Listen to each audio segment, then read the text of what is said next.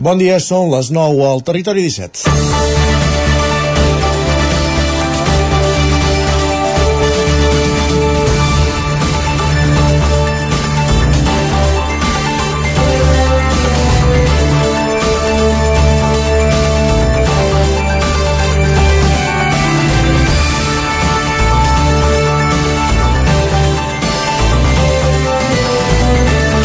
El Banc Central Europeu tornava a pujar els tipus d'interès fins al 4%. És la recepta que té aquest òrgan per contrarrestar una inflació que arrosseguem ja fa més d'un any.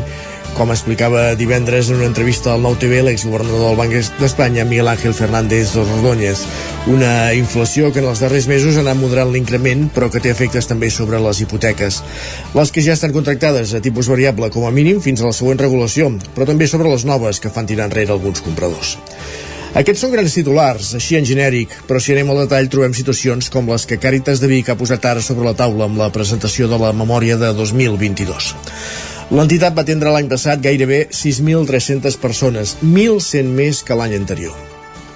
D'aquestes, el 58% viu en habitatges precaris i el 60% es troba en situació d'atur. La franja que més preocupa és la, de 30, la dels 30 als 44 anys, que representa el 66% dels usuaris de Càritas. Persones que podrien estar laboralment actives, però que per diferents motius no aconsegueixen una feina digna. De les 6.272 persones que es van atendre l'any passat per Càritas de Vic, Càritas Diocesana, el 56% van ser dones i el 44% homes. Des de l'entitat també remarquen la necessitat de trobar voluntaris. L'any 2022 van ser 870, un 10% menys que l'any anterior. I un últim titular. Des de l'entitat es denuncia que cada vegada hi ha persones amb més dificultats per ser empadronades. El primer, el primer pas per accedir a qualsevol servei. Territori 17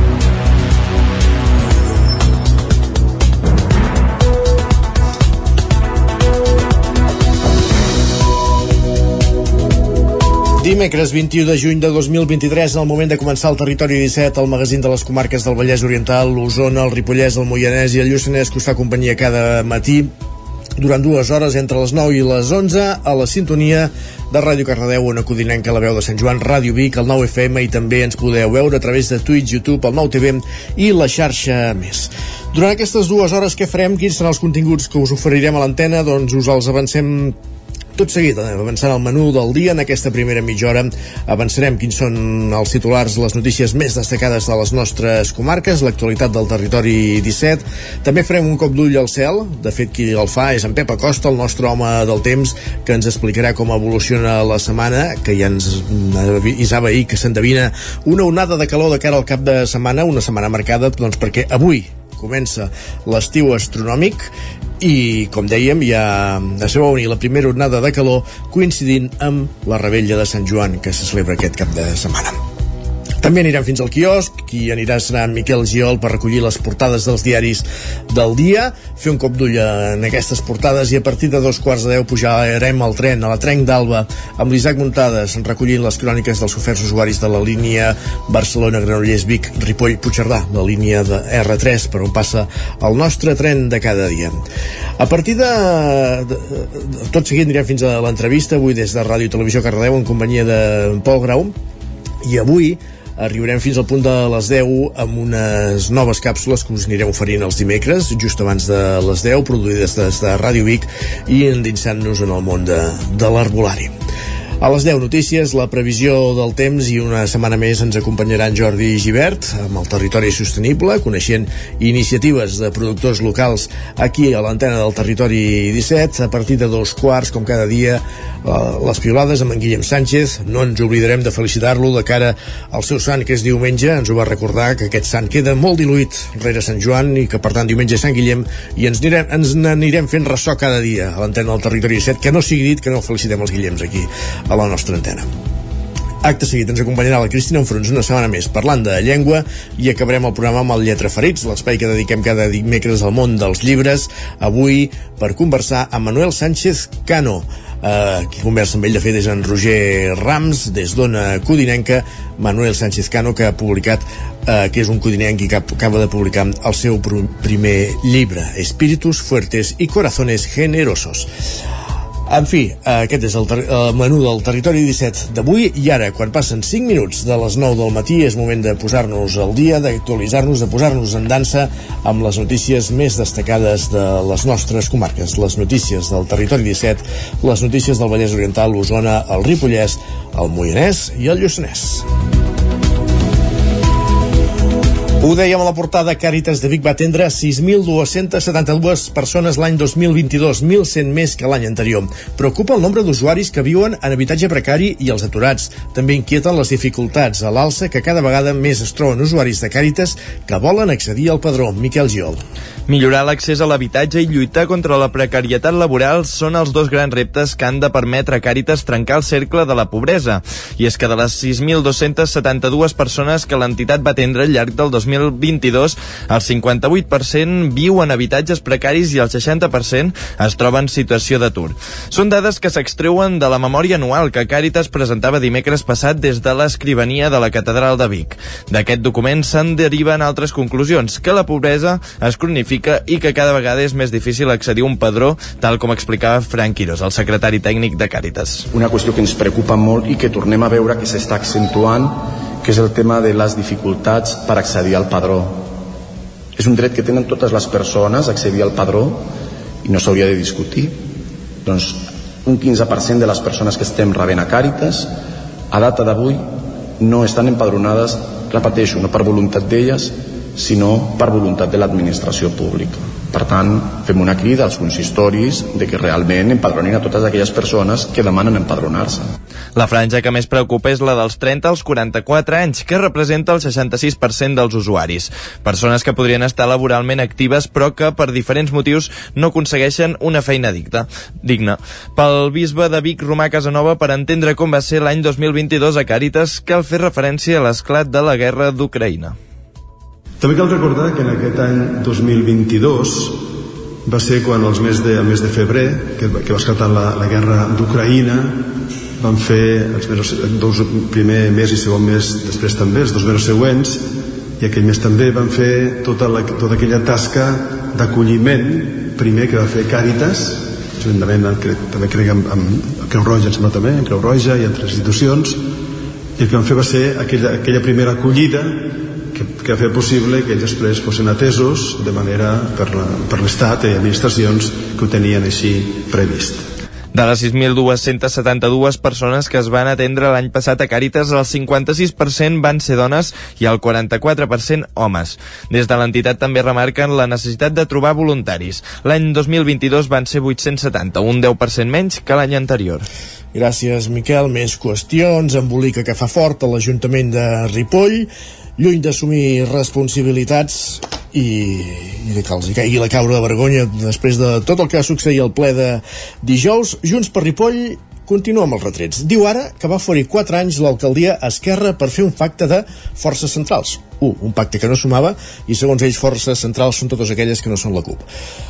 Uh, Isaac Muntades, la veu de Sant Joan. Encara que dissabte Sílvia Oriols fos investida com la nova alcaldessa de Ripoll, el serial continua al municipi. Aquest dimarts a la tarda, Junts va fer una roda de premsa al seu local per explicar per què van votar la seva candidata Manoli Vega en el ple d'investidura. El dia clau on es va precipitar tot va ser divendres. En principi, Junts, Esquerra Republicana i el PSC havien arribat a un acord per fer un pacte central després de l'oferiment de Junts de partir-se l'alcaldia dos anys amb Esquerra i arribar a un acord programàtic. Fins i tot, per facilitar les negociacions, Junts va oferir els quatre anys d'alcaldia als republicans. Amb tot, els postconvergents creien que l'alternativa per Ripoll CUP s'havia de quedar a l'oposició per facilitar la cohesió social, ja que en el darrer mandat havien xocat frontalment amb Aliança Catalana. En aquesta reunió van intervenir representants locals i també de l'executiva nacional d'amb dos partits. En un primer moment, Esquerra va manifestar que el PSC s'adheriria als acords que es prenguessin i en principi la CUP també havia acceptat quedar-se a l'oposició. A dos quarts de quatre, la secció local del PSC es va afegir a la conversa i estaven disposats a donar el vot d'investidura, però en trencar-se el pacte d'esquerres descartaven entrar al govern i volien reunir-se amb la CUP. Vega va assegurar que el pacte estava tancat i ja s'havia redactat un discurs d'investidura conjunt per a totes les formacions, però que una trucada de Chantal Pérez ho va canviar tot. A les 20.15 rebem una trucada de 10 segons després de que divendres havíem estat 5 hores reunits.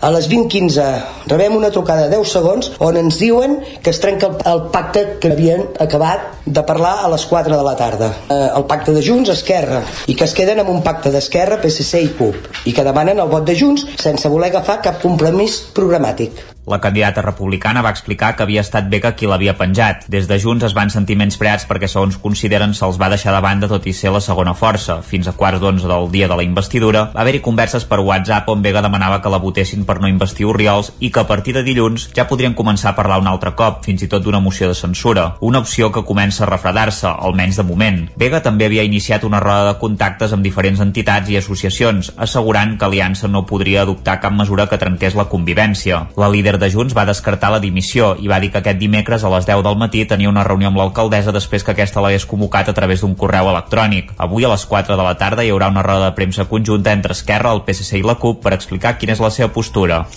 El govern de Sant Feliu de Codines estudia revocar el polèmic decret que limita l'horari dels bars i restaurants a la una de la matinada. En Roger Ram, zona codinenca.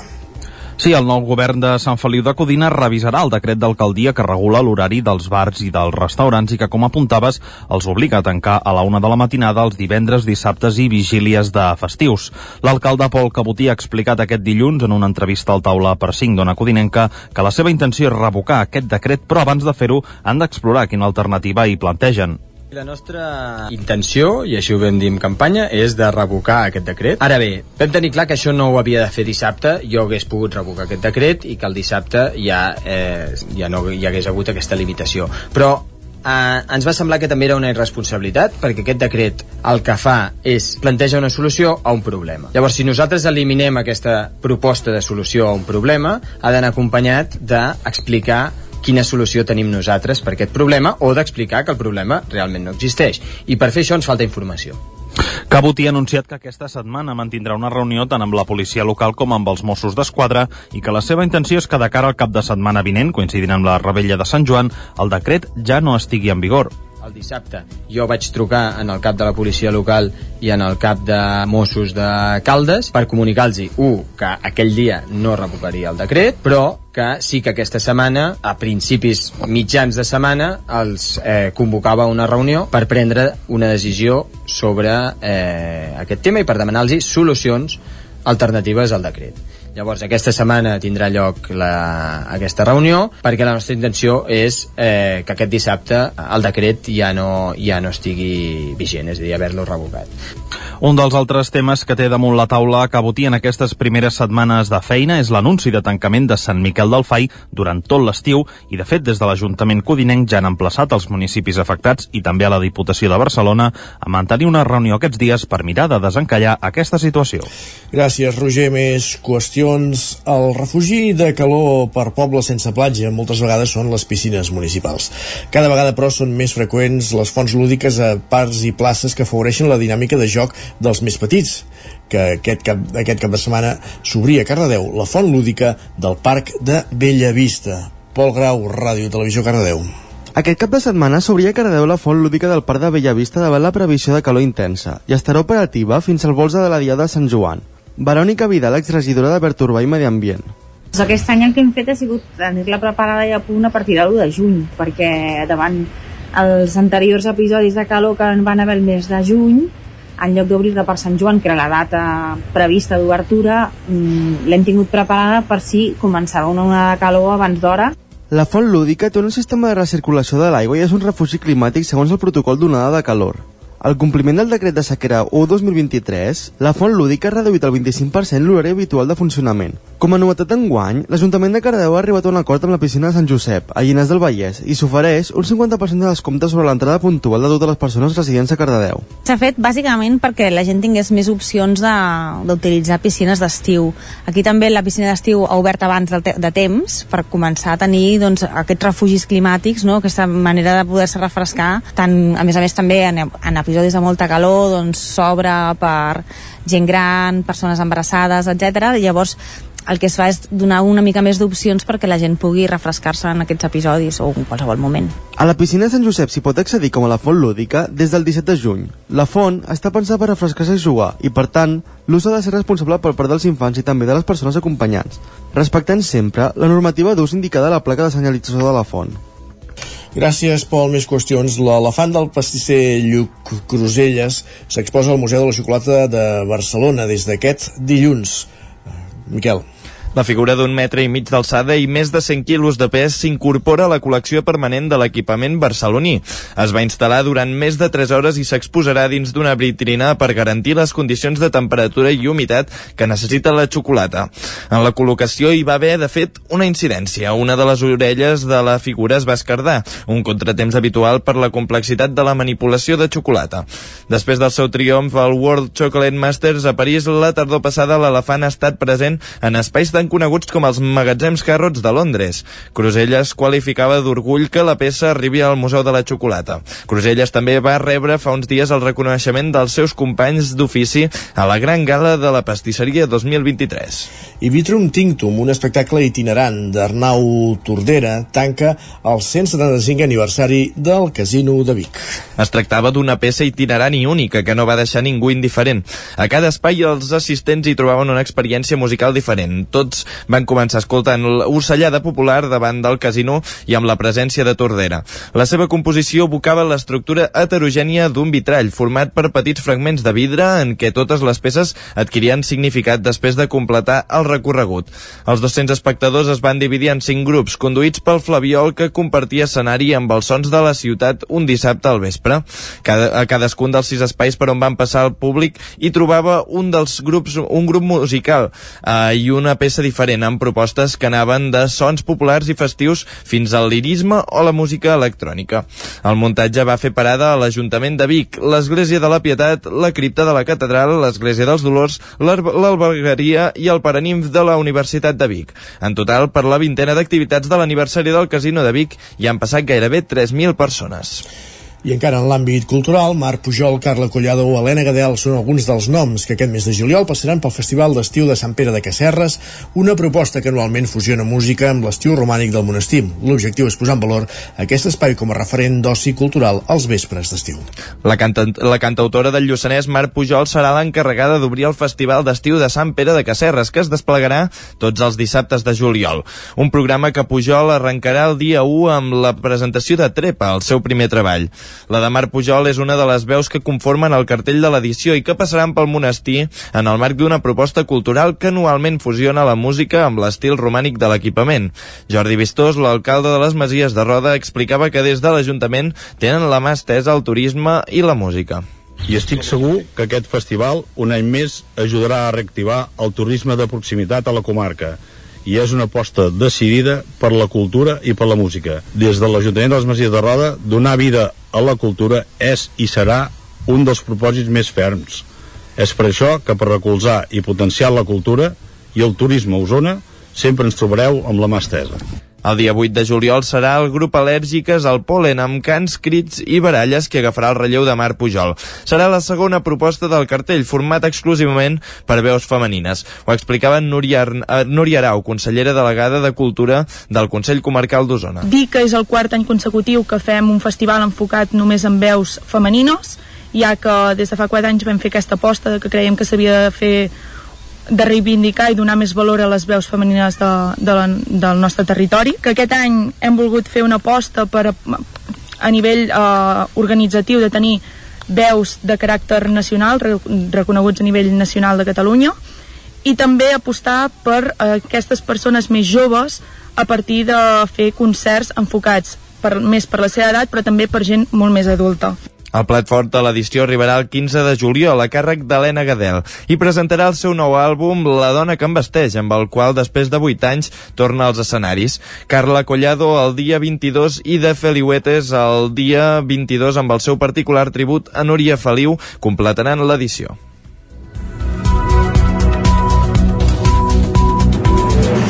Gràcies, Miquel. Acabem aquí aquest repàs informatiu eh, que començàvem al punt de les 9 en companyia de Miquel Giol, Isaac Montades, Pol Grau i Roger Rams. És moment al territori 17 de parlar del temps.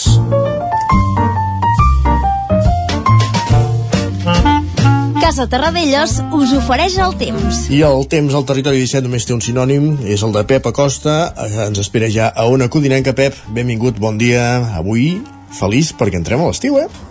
Hola, molt bon dia, benvinguts a la informació del temps, què tal esteu?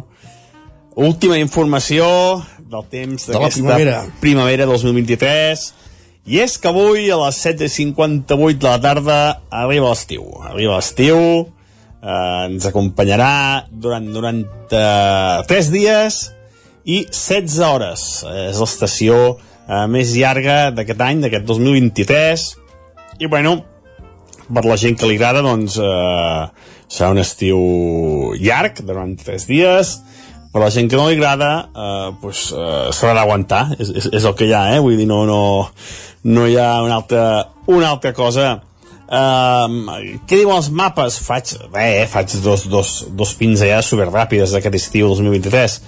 Uh, diuen que serà un estiu una mica més càlid del normal, ni de bon tros uh, com l'any passat, uh, per començar ja uh, el mes de juny ha sigut molt menys càlid que l'any passat, que va ser molt, molt calorós, doncs això uh, serà un estiu una mica més càlid del que, del que tocaria per l'època de l'any, però en contrapartida eh, serà un estiu eh, que es veu que serà força humit, eh, força humit i amb força precipitació. Això són el que diuen els mapes eh, estacionals, eh? veureu què acaba passant, eh, perquè poder és un estiu més fred del normal i poder és un estiu més sec del normal, eh? però veurem, però veurem, veurem què acaba passant, eh, això és el que apunten els mapes eh, ara mateix. El que està clar, el que està clar és el temps que farà aquests dies.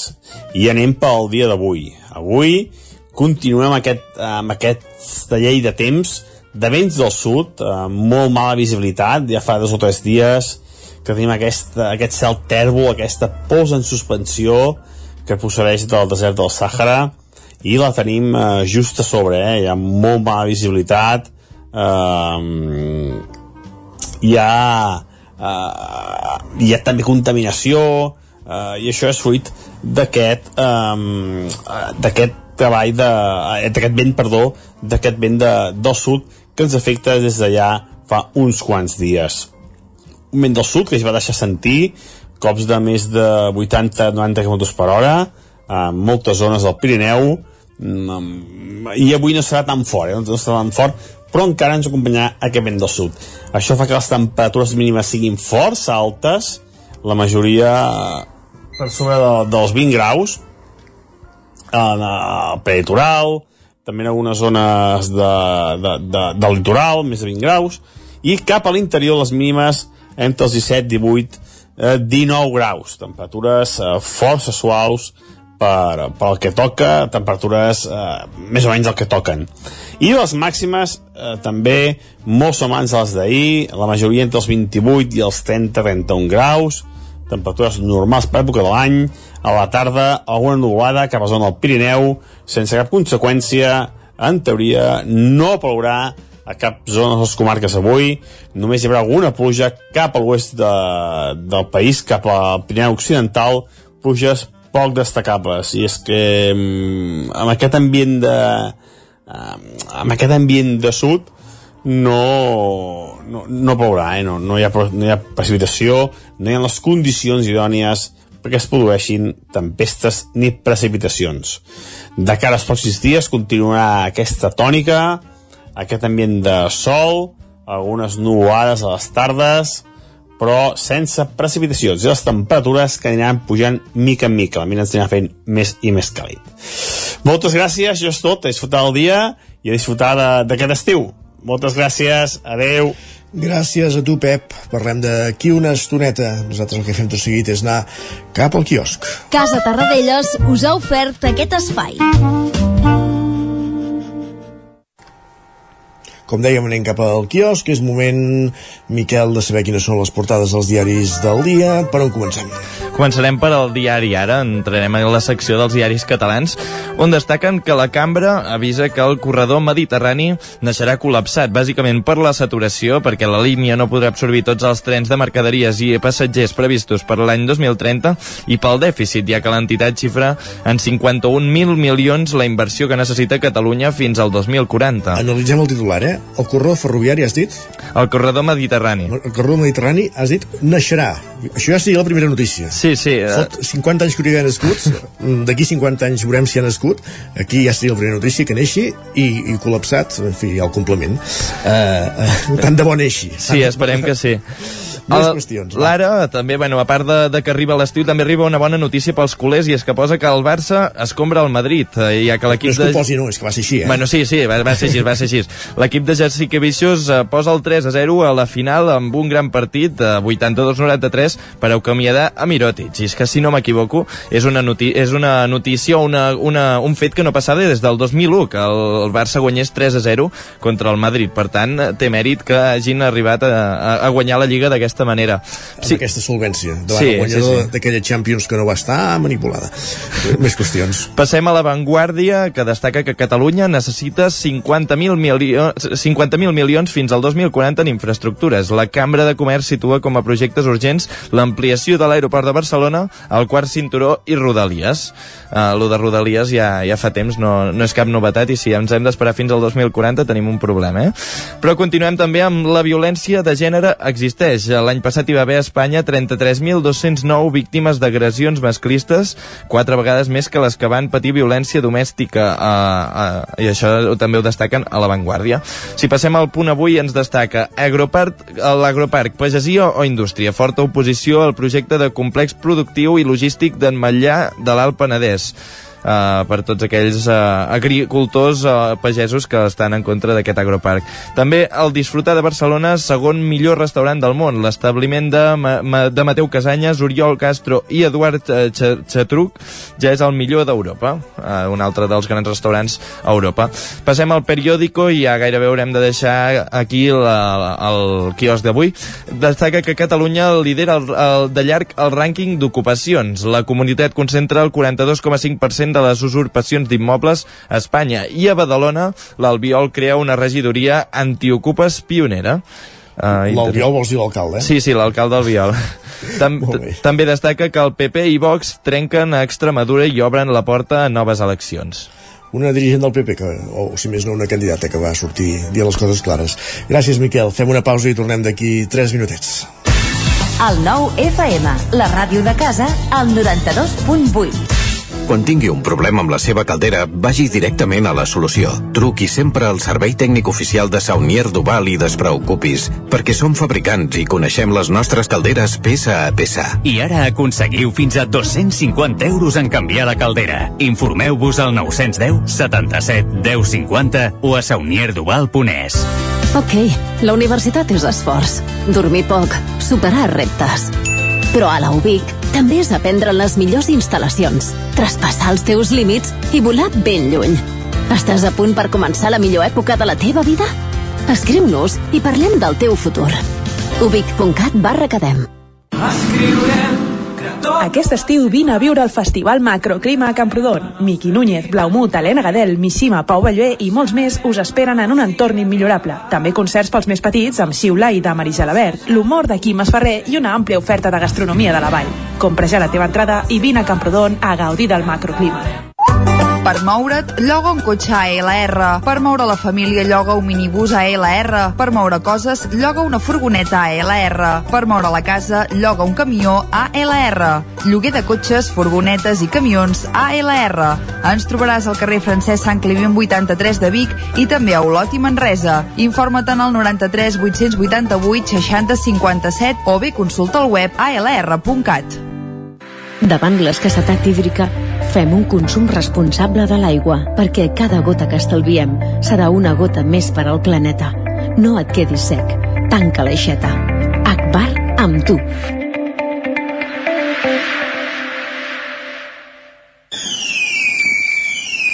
Tenim aquí la rebella de Sant Joan. Prepara't! A Manli seleccionem el millor en pirotècnia, bateries, bengales, trons, coets, els millors preus, ofertes tots els dies de rebella i tot l'any. Visiteu el catàleg a manli.cat. Manli, al carrer Ramon Soler, telèfon 93 889 0484. Vic, Sant Joan, ja és aquí. Rètols 2 Art. Experts en comunicació visual, rètols, banderoles, vinils, impressió, plaques gravades, pancartes, senyalització, displays... Rètols 2 Art. Més de 30 anys al vostre servei. Ens trobareu a la carretera de Vic a Olot número 7, al polígon Les Casasses de Vic, dosartvic.com, telèfon 93 889 2588. El nou FM, el nou FM, el nou FM, el nou FM, el nou FM.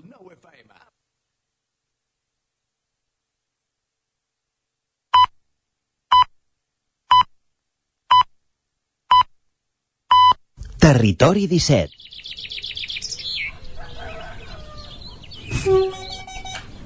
A Tren d'Alba. Cada dia els usuaris i usuàries de la línia R3 de Rodalies que veuen sortir el sol des d'un vagó ens expliquen les gràcies i les penes del primer comboi que uneix Ripoll i Barcelona o les feixugues jornades amb el tren després de treballar. Benvinguts a Tren d'Alba. Doncs sembla que DIF avança en la remodelació integral de l'estació de la Granada, a Barcelona, una actuació enmarcada en les obres d'implantació de l'ample estàndard per al desenvolupament del corredor mediterrani a Catalunya. L'actuació consisteix en l'adaptació de les vies 1 i 2 de l'estació, el muntatge de parets de via en ample mix, l'adaptació i prolongació de les andanes, la construcció d'un nou pas inferior dotat de sensors, així com treballs d'electrificació, obra civil i de control i senyalització, entre d'altres. Aquestes obres s'uneixen a les que ja s'executen en el trajecte entre Castellbisbal i Sant Vicenç de Calders per a la implantació del tercer carril, amb les quals s'ampliarà la capacitat de la infraestructura. Les característiques de l'actuació que es du a terme ara són incompatibles amb el trànsit ferroviari, fent necessària la interrupció de la circulació a la línia R4 de Rodalies, entre Sant Sadurní de Noia i Vilafranca del Penedès, els pròxims quatre caps de setmana i els diumenges 2 i 9 de juliol. Per a garantir la mobilitat dels viatgers, Renfe va establir un servei de transport alternatiu per carretera entre amb dues estacions. A més, va reforçar el personal auxiliar de les estacions destinades a la informació d'assistència als viatgers. Pel que fa a la parada comercial a l'estació de la Granada, des del passat 6 de març no s'efectua per les esmentades actuacions del seu entorn. L'afectació s'allargarà fins al 3 de setembre inclòs. Renfe manté el servei complementari per carretera que des del primer moment cobreix el trajecte entre la Granada i Vilafranca del Penedès. Va, ens retrobem demà amb més històries del tren i de la R3. Territori 17, el 9 FM, la veu de Sant Joan, Ona Codinenca, Ràdio Cardedeu, Territori 17. Dos minuts que passen de dos quarts de 10 del matí.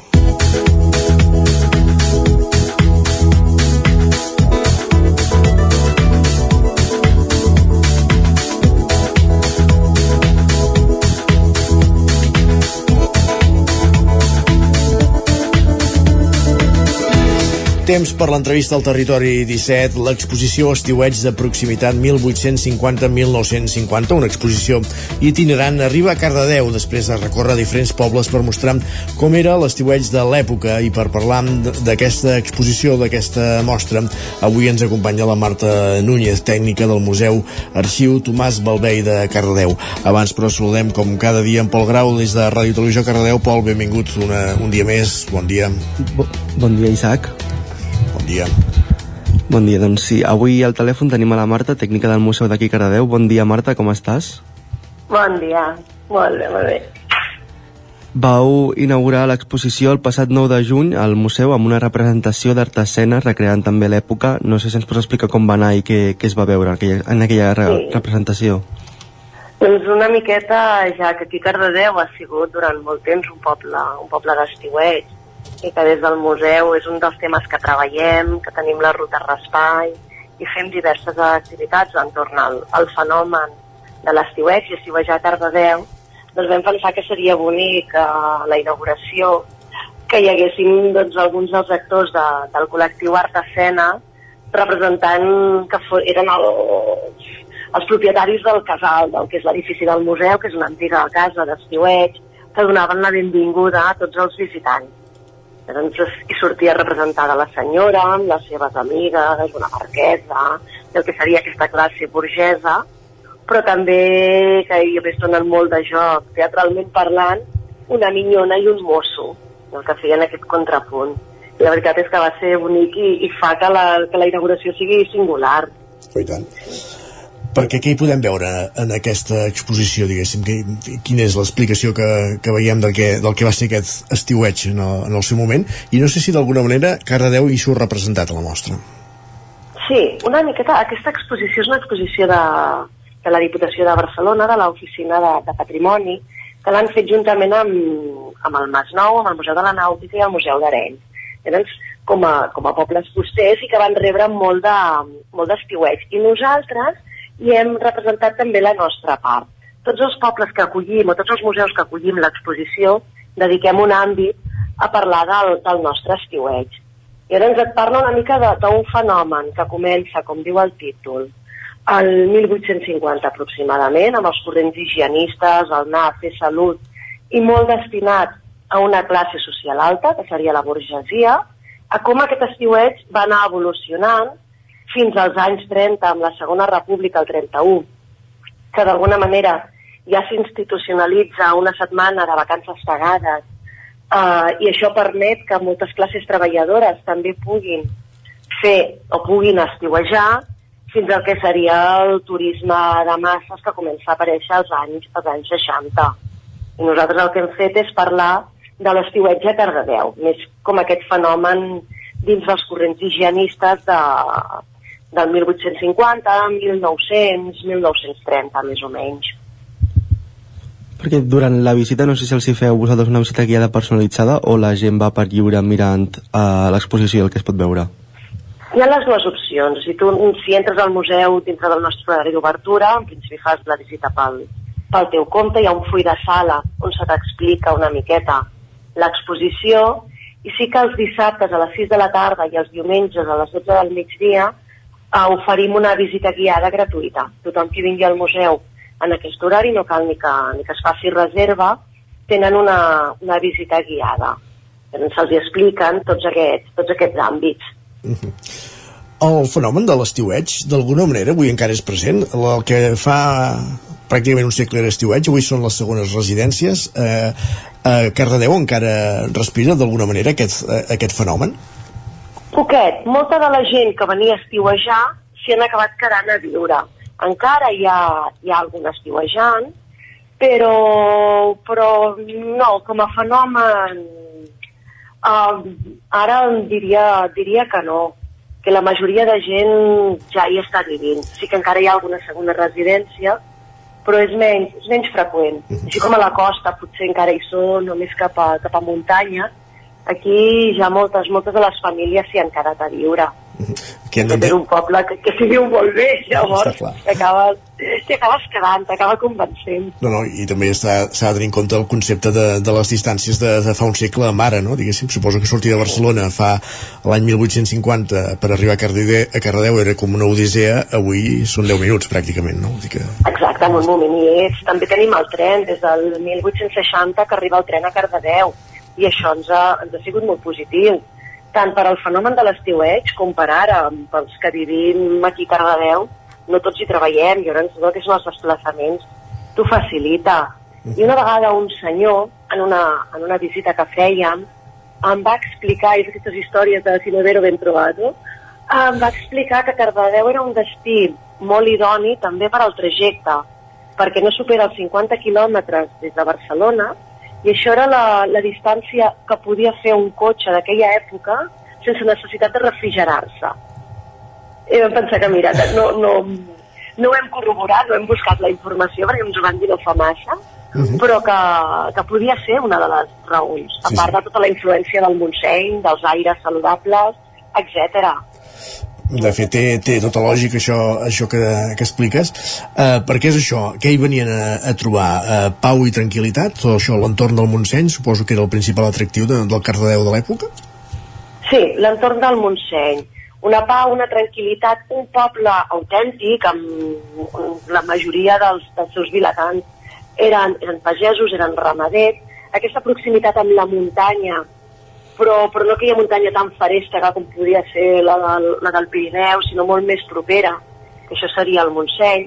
I hi havia molts metges que recomanaven aquests aires per, per fer salut, sobretot salut bronquial. Era una època que Barcelona s'està construint, tot just s'acaben de tirar a terra les muralles, és el moment del Pla Cerdà, i encara és una ciutat que és bruta, que hi ha epidèmies, llavors la gent fugia de tot això. Així com a la Garriga hi havia aigües termals, o en altres bandes eh, aigües picants, tota la línia de la costa, la platja per anar a fer els banys, aquí el que teníem era la, i el que tenim encara ara, és aquesta proximitat amb el, amb el massís del Montseny i la influència positiva dels seus aires. Avui, per exemple, aquí a Cardedeu està fent un dia ben ventós i fred. Ja, ara em feu enveja, doncs. Eh que sí? Exacte. Uh, una, una, aquesta exposició, com dèiem, és una mostra itinerant produïda per la Diputació de Barcelona amb diverses col·laboracions, com bé, com bé esmentaves abans. Uh, ja l'han visitat 8.000 persones. Què suposa pel Museu de Cardedeu doncs, tenir aquesta, acollir aquesta mostra itinerant? Doncs ens completa molt el que seria el, el nostre discurs. El nostre, nosaltres, eh, pels que no ens conegueu, el, el centre del discurs del museu és la col·lecció de Tomàs Balvei, del fundador, però també l'antiga farmàcia Valvei. És una farmàcia mobiliària de finals dels 700 i tot el que serien els pots de principis del 800.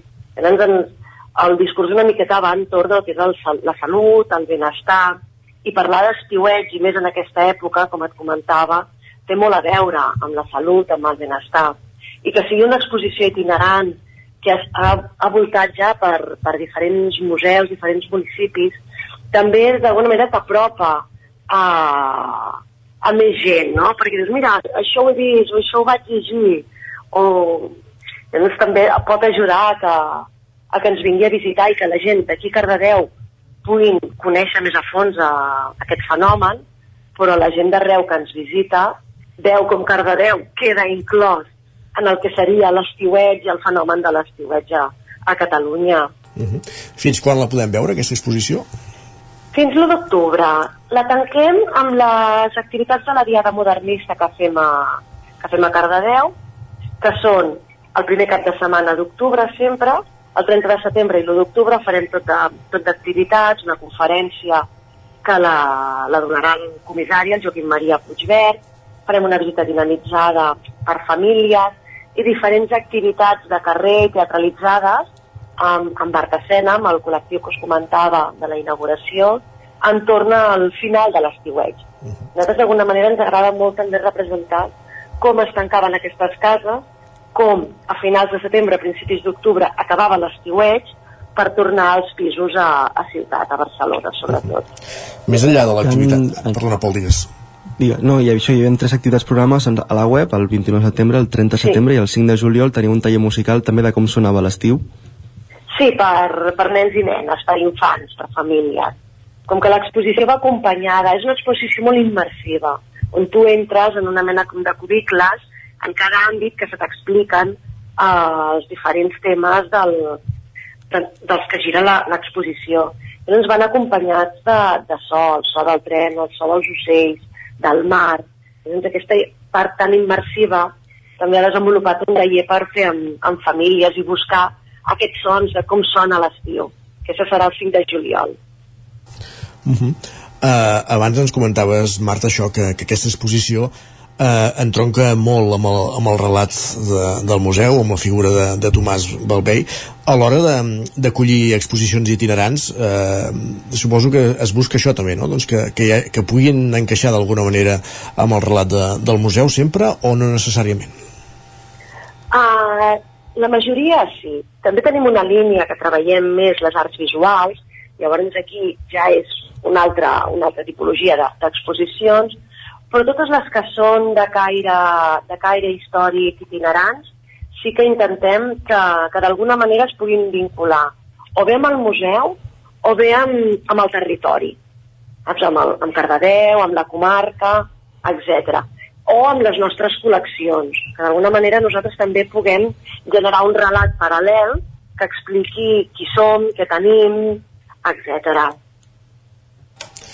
Molt bé, doncs aquesta exposició sobre l'estiueig que es pot visitar eh, al Museu Tomàs Balvei de Cardedeu, com dèiem, fins al 1 d'octubre, eh, estiueig de proximitat 1850-1950 que té sentit acollir-la a Cardedeu perquè era època d'estiueig per, aquest, per aquest punt estratègic si més no és la lectura que, que en podem fer a partir d'aquest comentari que, que van rebre al museu temps a, enrere diguéssim per, per acollir l'estiueig i que segurament que d'alguna manera ha marcat doncs, l'evolució del que és el poble de Cardedeu tal com el coneixem avui.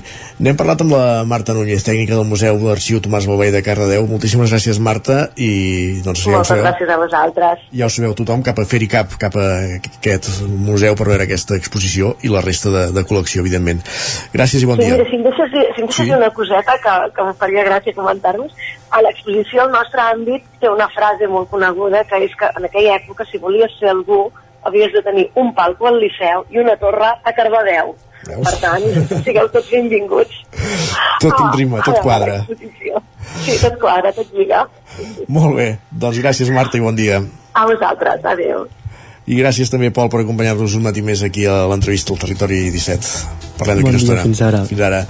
Nosaltres que avancem i després de parlar d'estiueig, després de parlar de l'època de, del modernisme, eh, tornem al 2023, però per parlant també de coses ancestrals, com són les herbes remeieres. Tot seguit estrenem la secció dedicada a l'arbolari aquí al Territori 17, Uh, just després, com dèiem, de- d'aquesta interessant entrevista que hem fet amb la Marta Núñez des del Museu Tomàs Blavé de Cardedeu.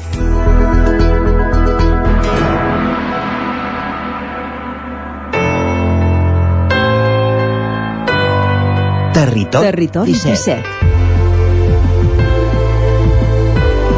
Territori 17.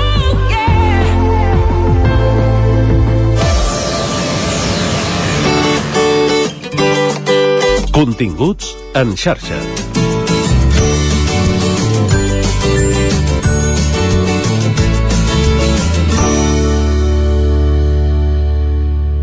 Doncs parlem del calendari del Cordill, que ens diu que el millor moment de plantar els carbassons és el maig. També, evidentment, se'n poden plantar a l'abril, perquè hi ha varietats antigues, com el negre, el de cap el de corredor blanc, que són originals dels Bages i aquests aguanten més. El carbassó es pot posar amb tallicons molt fins, cru, a les amanides. D'antic, els refranys donen voltes pel món, rebroten aquí o allà, adaptats als costums, les idees i a la llengua de cada país. Voltors del Pirineu i Prepirineu volen fins a Cádiz, o sigui que fan uns 800 quilòmetres agafant les grans corrents d'aire per menjar a les deveses. Són pastures donar l'equilibri ecològic. Deixen els polls amb la parella i tornen passats 4 o 5 dies. La manta al coll i el cabasset n'anirem al postiguet. Arleando, xim, pam, pum. I recomanem l'ideari de l'Hilari. L'Hilari té poca roba, però la que té és de qualitat. Si cal, la sergeix. No s'ha de tirar mai res. Repara el que pot. Per alguna cosa tenim amistats que fan de mecànics, electricistes, modistes o fusters. Li agraden els jocs de paraules. Diu que treballa l'hirarià i sigui que fa l'hirari, ajuda la família cuidant l'hort, fa la compra, cuina amb ingredients de primera, fa conserves, omple el rebost i un cop per setmana fa coca, iogurts, flams i pa de pessic. O sigui que és un bon personatge. Bé, i us, us parlo de les plantes que en aquest cas no solament medicinals, que sí que ho són, sinó també comestibles, com aquí parla de la navinera alpina. El naviu és un, una planta molt baixa de sotabosc i realment el fruit que fa els navius són boníssims i, segons diuen, molt, molt saludables a nivell de, de millorar l'estat de salut.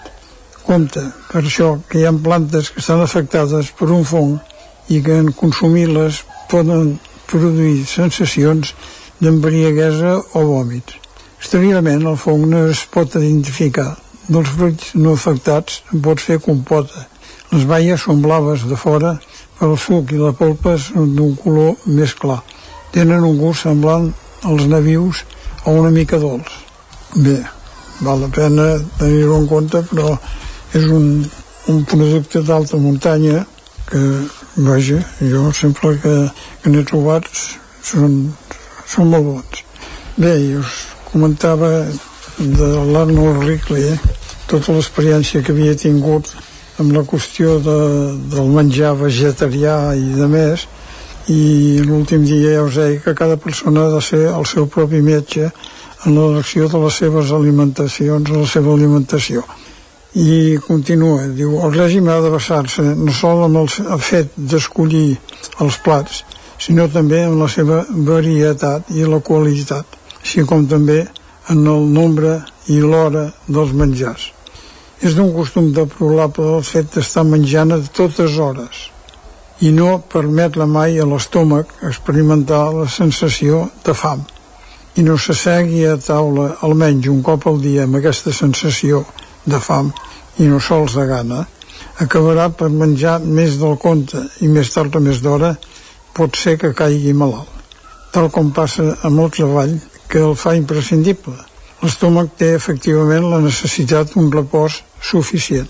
Del contrari, mai podrà contraure's ni netejar-se com li convé, cosa que amb el temps pot ser motiu de diverses malalties i sobretot els catarros digestius. Menjar i beure massa sovint ens pot aportar encara un nou inconvenient.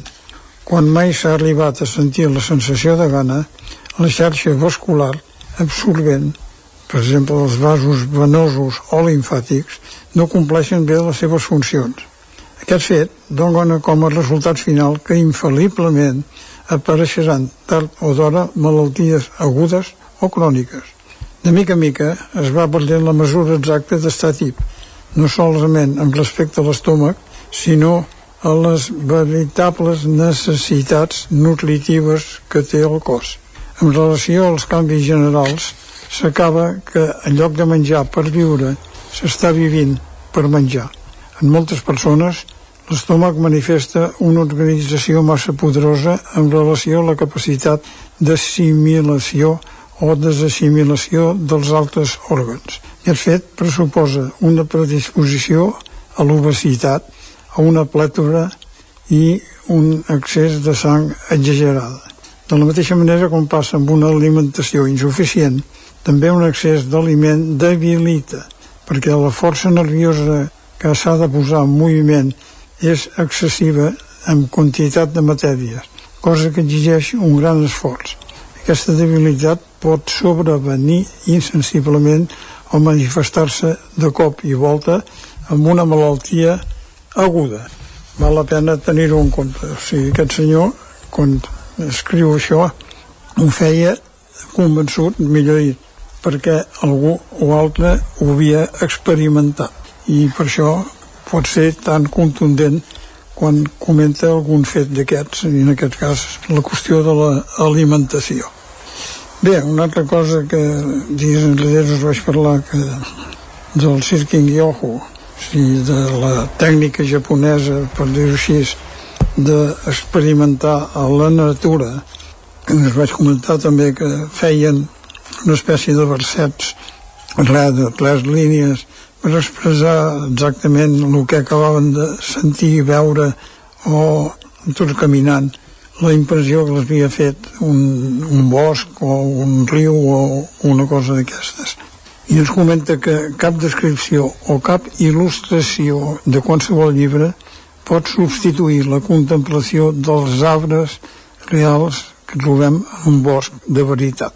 Dels arbres en surt alguna cosa que ens aliva l'ànima, alguna cosa que no ens pot donar, evidentment, ni cap llibre ni cap museu. Ho deia això una tal Maria Montessori, del 1870 al 1952. En el clàssic Viatge de Shiyo, el 2001, de Ayao Shiyo Ojino, és un nom evidentment japonès, com sembla, una nena de 10 anys se'n va amb els seus pares a una altra ciutat. De camí cap a la nova casa, el seu pare pren un camí equivocat i la família arriba el que sembla una espècie de parc d'atencions abandonat. En realitat es tracta d'una porta d'entrada al món sobrenatural, en forma de banys termals per déus, o sintonies i esperits. Shihiro sent molt estranya allà i prega que ens n'anem. El seu pare i la seva mare volen entrar-se més endintre en aquest lloc. Mentre s'allunya per la seva compte per anar explorant la situació, Chihiro es troba amb un jove, un tal Aku, qui li adverteix que han de marxar abans de que es faci fosc. Quan això passa, la noia va cap als seus pares a avisar-los, s'emporta un gran sust al trobar-se els convertits en dos porcs gegants. Per no córrer la mateixa sort que ells, haurà de quedar-se a treballar en aquests banys on una bruixa, i veure, té esclavitzats a persones i animals. Després de la insistència d'alguns dels residents dels banys, Iubaba li dona treball i, evidentment, aquí ja es converteix en una persona més de la colla. Però a canvi de renunciar, això sí, a la seva identitat. La bruixa pren possessió dels tres kanjis que el seu nom es diuen Zen. El matí següent, Aku li mostra una cort on estan els seus pares i entra també hi ha les seves coses. Es troba amb una targeta postal de despedida que havia escrit a les amigues de la seva antiga ciutat. Al llegir-la, Chihiro torna a veure i recordar el seu nom veritable, Yubaba, i mantén els humans, els animals, sota el seu influx, prenent-los els seus noms perquè així s'olvidin d'ells. Aquests es queden atrapats en un món dels esprits. Aquest fragment traslada un bonic missatge. El desfer-se de les entitats, de les criatures vives, en realitat els, com si els hi tragués la seva ànima. És evidentment un comentari molt espiritual que potser no entra massa en la nostra manera de pensar. Però bé, val la pena també de tant en tant recordar que hi poden haver-hi altres conceptes de l'estat d'ànim. Una planta medicinal que avui, bueno, que aquests dies abans anava a collir la farigola en aquest temps. No sé si era per, per Corpus Christi una sortida un dijous. I una de les plantes que també ara aquest temps val la pena perquè és quan floreixen és la sajolida és una planta que molts cuiners la fan servir com a, com a condiment no solament pel seu bon gust, sinó també pel seu aroma. La sajolida produeix un, un oli essencial que s'ha estudiat detalladament a les universitats franceses pel seu poder antiinfecciós. Resulta de gran utilitat en la lluita contra aspectes patògens, encara que s'ha de limitar el seu ús no massa abundant, per dir-ho així, o sigui, de totes les coses no se'n pot abusar.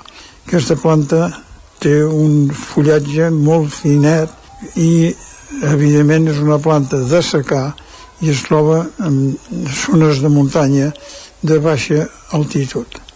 Com he dit, és un potent antibacterià d'ampli aspecte d'acció antiviral, estimulant immunitari, fungicida, parasiticida, és tònic i estimulant general tant pel sistema nerviós, circulatori, sexual i digestiu.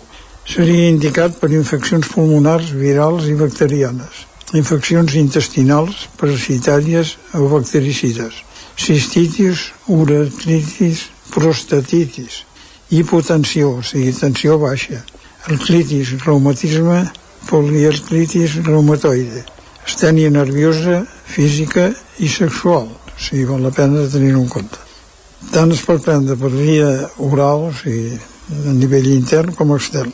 Per via oral, un parell o tres de gotes d'aquest oli essencial de la sajolida i barrejada amb una mica d'oli o altre oli o mel o amb un, un tros de pa.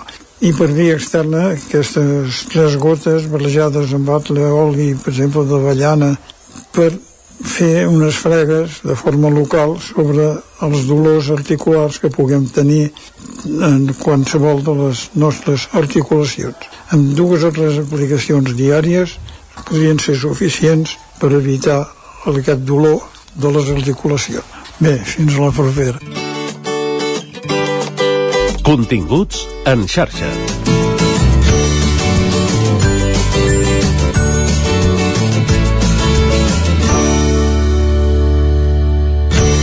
Territori 17. Envia'ns les teves notes de veu per WhatsApp al 646 079 023. 646 079 023. WhatsApp Territori 17.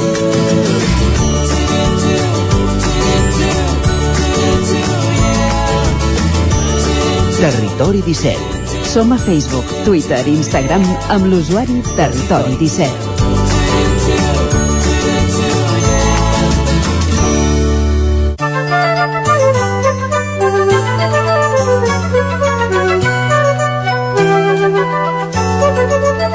Després d'aquestes recomanacions de, de l'herbolari, a partir dels carbassons avui, arriba al punt de les 10 al territori 17. Serà moment d'actualitzar-nos amb les notícies més destacades de les nostres comarques. Eh, després, el territori sostenible, en Jordi Givert ens portarà fins a la fàbrica de, de pasta de la Moianesa, també compartirem una estona amb la Cristina Fruns, amb en Guillem Sánchez i acabem les 10. Territori 17. És moment d'actualitzar-nos, de posar-nos al dia amb les notícies més destacades de les nostres comarques, el Vallès Oriental, Osona, el Ripollès, el Moianès i el Lluçanès, i ho fem en connexió cada dia en les diferents emissores que fan possible aquest programa, on acudirem que Ràdio Cardedeu, la veu de Sant Joan, Ràdio Vic, el 9FM, ens podeu veure també a través de Twitch, YouTube, el 9TV i la xarxa més. Per explicar-vos aquesta hora que la Mancomunitat La Plana farà un càsting per incorporar joves que creïn continguts per evitar conductes de risc. Concretament busquen a tres joves per convertir-los en influencers a través de les xarxes socials i d'un podcast. El projecte l'han batejat amb el nom de Poca vergonya, Miquel Giol. Aquesta és la crida de la nova campanya de la Comunitat La Plana. Busquen a tres joves d'entre 16 i 20 anys per formar part de la, de, de la comunitat Poca Vergonya, un projecte que constarà d'un podcast i que generarà continguts a través de les xarxes socials. L'objectiu és que siguin els mateixos joves els que serveixin eh, de, de referents a altres joves per prevenir conductes de risc, com el consum de drogues, les addiccions a les pantalles o generar debats sobre la sexualitat i efectivitats sense vergonya. Esther Puig, la tècnica de Rus, que explicava la iniciativa del projecte. Ens hem adonat que era molt important que d'alguna manera aquestes persones, adolescents i joves, tinguessin una comunitat, un espai on consultar contingut i on a més a més també ens poguessin doncs, consultar, demanar tu formes a, amb una persona jove amb un adolescent, amb, amb diferents temàtiques i això té un efecte multiplicador perquè si aquesta persona esdevé referent del seu grup d'iguals, no és el mateix que fem prevenció nosaltres, sinó que entre la comunitat d'iguals per poder parlar sense tabús, obriran un consultori totalment confidencial a través d'Instagram. També realitzaran accions al carrer on interactuaran amb la ciutadania, notícies, informació, sortejos i posaran a disposició els vídeos de la campanya que Rusk ha realitzat en centres educatius els últims 4 anys. El president de la Mancomunitat, Pere Medina, valorava així el projecte. Aquest eh, programa amb els 4 anys de trajectòria que porta, ha impactat o ha, ha fet participar en els seus tallers i activitats a 7.875 joves. Ens agrada molt aquesta idea de transversalitat en els programes, no? La, fer, fer polítiques públiques intentant no tenir una visió temàtica, sinó més holística. Tot un desplegament que des dels mitjans locals acullen amb ganes perquè els aproparà a un públic més jove. El càsting es farà entre aquest mes de juliol i el mes de setembre i les persones seleccionades podran obtenir fins a 600 euros anuals per a la seva col·laboració. Miquel Giol, quants anys tens tu? Jo en tinc 18. Ja tens experiència fent podcast, eh, per tant... Sí, m'hi eh? podria participar. Entre juliol i setembre tens un càsting que t'espera. Si eh? Home, no, no és mala idea, eh? La veritat doncs, ho trobo molt bona iniciativa. Doncs prenem nota. Ja, quan diguem els guanyadors ja em si surt el teu nom, també.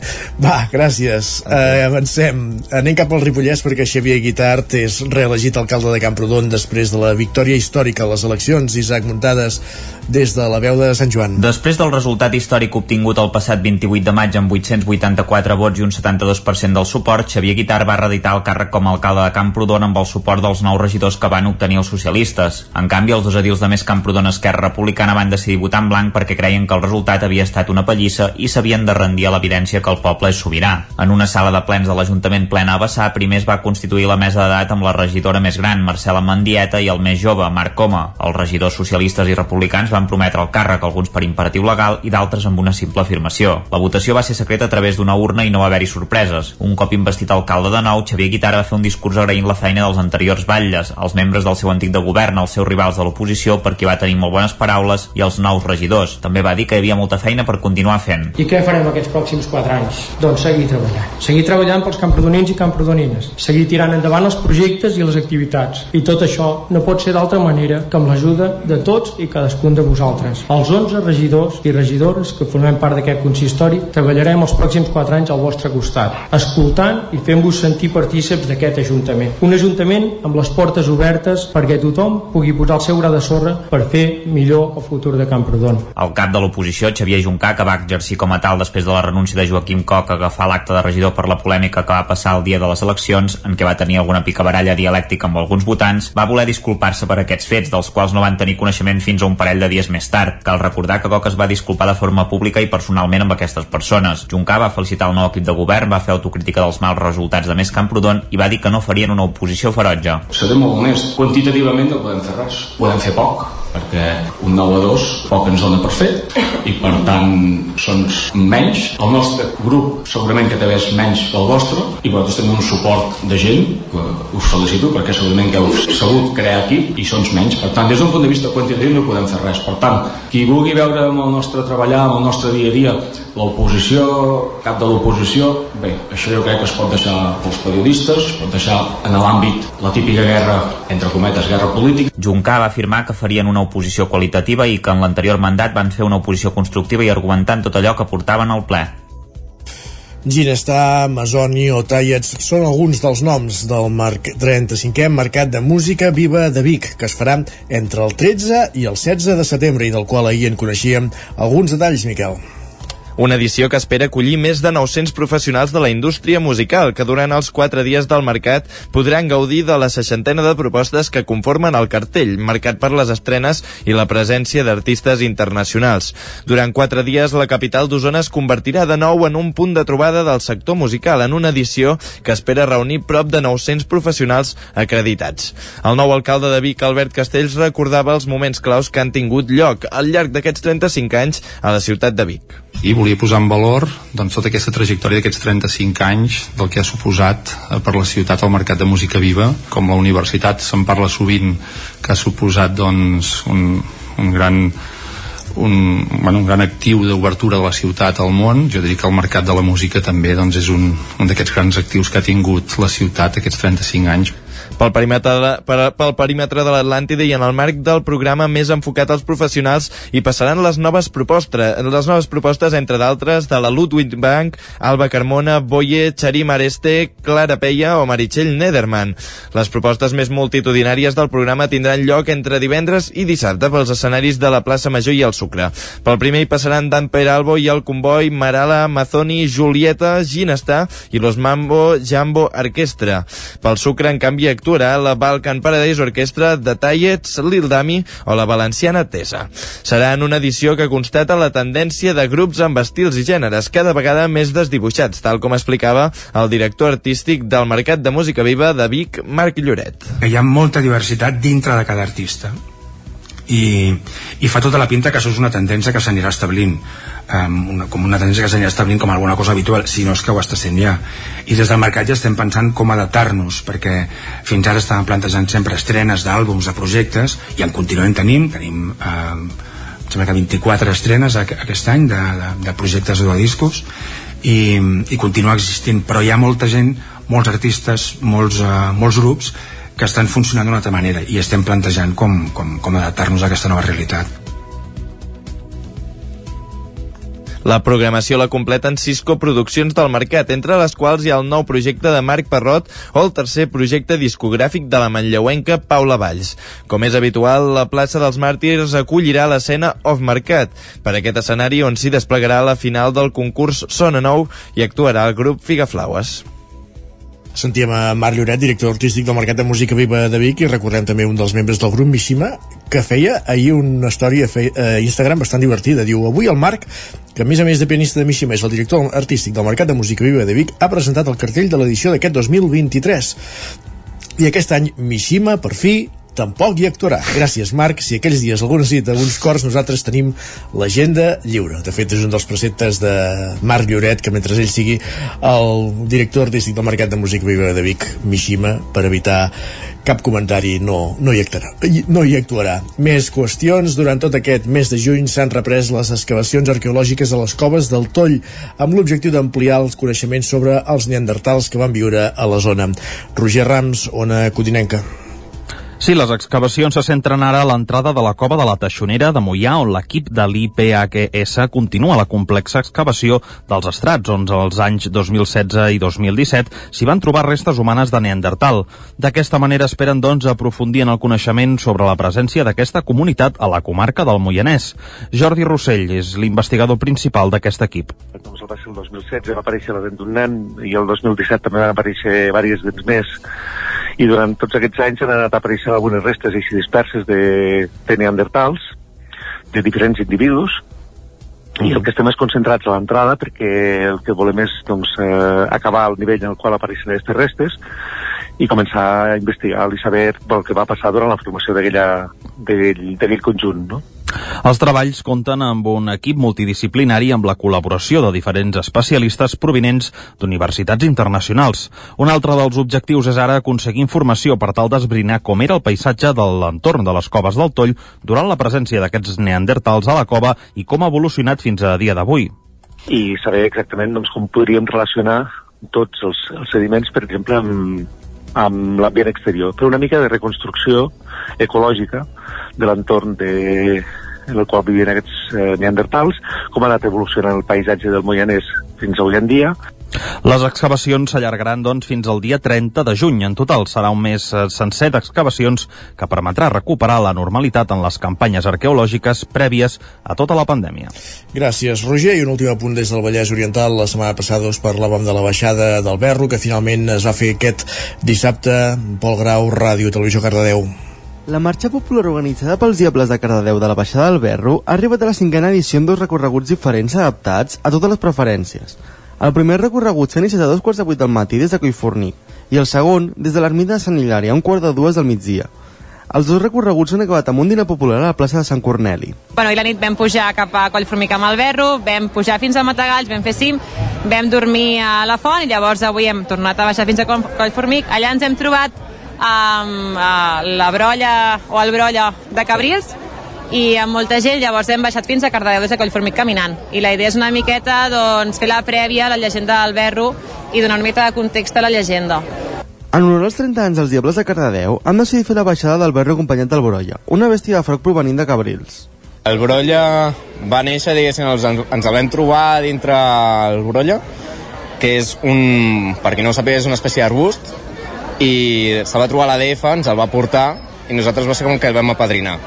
Ve també de, de família d'Argentona i crec que la parella és la porca del Clot. Així que té una història guapa.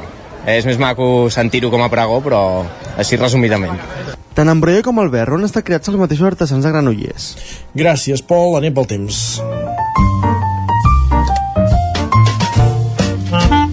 Casa Terradellos us ofereix el temps. I el temps al territori 17 és cosa d'en Pep Acosta. Aquí ja saludem de nou. Quin temps farà avui?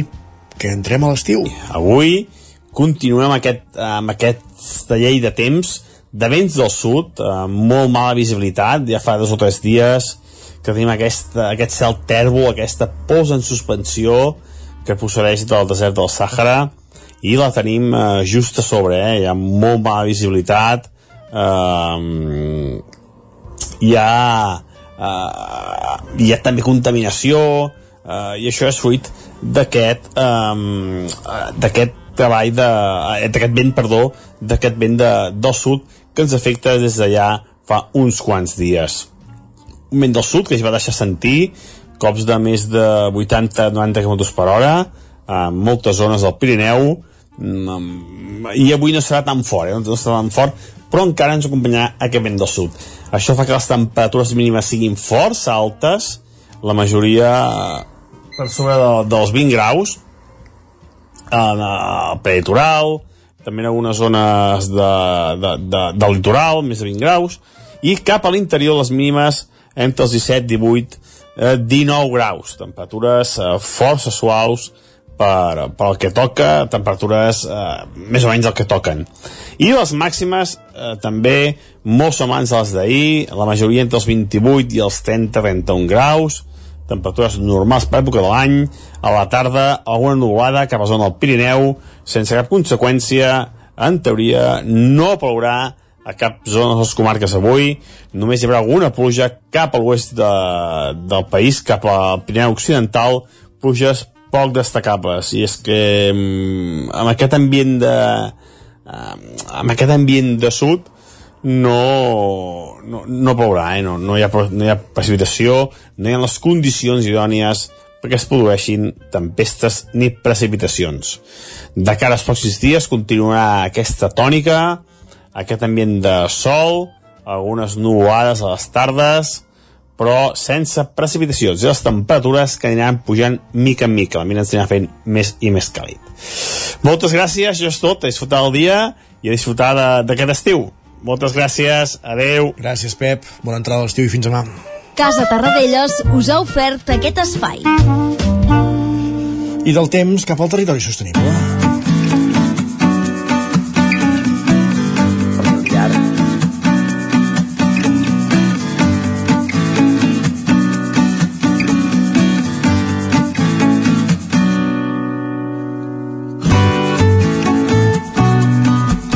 Sense més, saludem en Jordi Givert amb un nou territori sostenible avui dedicat a la fàbrica de pastes del, del Moianès, de Moià. La Moianesa, Jordi, benvingut, bon dia. Avui al territori sostenible tornem a visitar un negoci familiar centenari de les nostres comarques. Concretament ens acostarem a Moià per parlar de la Moianesa, la elaboradora de pasta artesanal que té més de 100 anys i que avui tenim amb nosaltres a la cinquena generació, en Jordi Jordi Soler per eh, explicar-nos les novetats eh, de la seva producció. Hola Jordi, bon dia. Hola, bon dia, què tal? Per situar-nos una mica per la gent que, que no us coneix, Jordi, ens pots explicar una mica la vostra història, que a més a més la, la coneixem i, i és uh, molt maca, uh, de caràcter familiar. Uh, com comença el projecte de la Moianesa? Sí, bueno, el, quan es, es va començar a final del segle XIX, concretament el 1880, això ho hem, ho hem sabut l'any d'inici perquè bueno, fa uns anys ens van donar un premi d'establiment centenari a la Generalitat de Catalunya i vam haver de buscar documentació. Vull dir que fins fa pocs anys no, no sabíem ni de quan era l'inici de l'activitat. La, I vam trobar els arxius d'aquí Mollà, vam trobar que, que l'inici es remuntava al 1880 es va començar fabricant pasta mm -hmm. amb, amb, farina, amb farina que ens portaven els pagesos de la zona i a partir de la farina que es, que es portava a la, a la fàbrica de pasta de, a, a, es fabricava la pasta i era com un intercanvi mm -hmm. amb, la, amb la farina dels pagesos doncs se'ls tornava la, la pasta ja produïda es va començar d'aquesta manera i poc després ja es va, va començar a vendre a les, a les, a les botigues de la zona els però, mm. però bueno, cada, es va anar, cada, cada cop es anava augmentant més l'àrea de, de venda. Es va començar d'on era molt local, Sí. Després es va començar a venir als pobles de, del voltant, fins a Vic, fins a Manresa, cada cop anar ampliant més la, l'àrea de, de venda. I així sí, sí. Heu, heu anat creixent i, i encadenant cinc generacions de, de Soler a la, a, la, a la família, no? O sigui, sí, a l'empresa. Sí. Sí, sí, s'ha sigut una producció de pasta ininterrompuda durant tots aquests anys mm -hmm. i bueno, han passat moltes coses tots aquests anys i, i s'ha anat resistint sempre, s'ha anat resistint totes les, totes ah. les crisis, tot, les, tot el que ha anat passant, vull dir que, que realment ha estat tot una, tota una proesa que de, sí, sí. de fet uh, per uh, vosaltres uh, aquesta primera fàbrica és on ara hi teniu la botiga, no? Sí, sí, sí. Uh, es va començar uh, ben just al centre del poble, al carrer del Comerç d'aquí a Mollà. És just al centre on hi tenim la, la botiga actual, que és uh, allà on hi venem tots els nostres productes i altres productes de, de proximitat de la terra del Moianès i sempre s'hi ha venut la pasta allà. Uh -huh. I uh, sobre la botiga, on, a la mateixa casa, sí. els pisos de dalt és on hi havia, hi havia l'antiga fàbrica. Fins al 1979 es fabricava allà.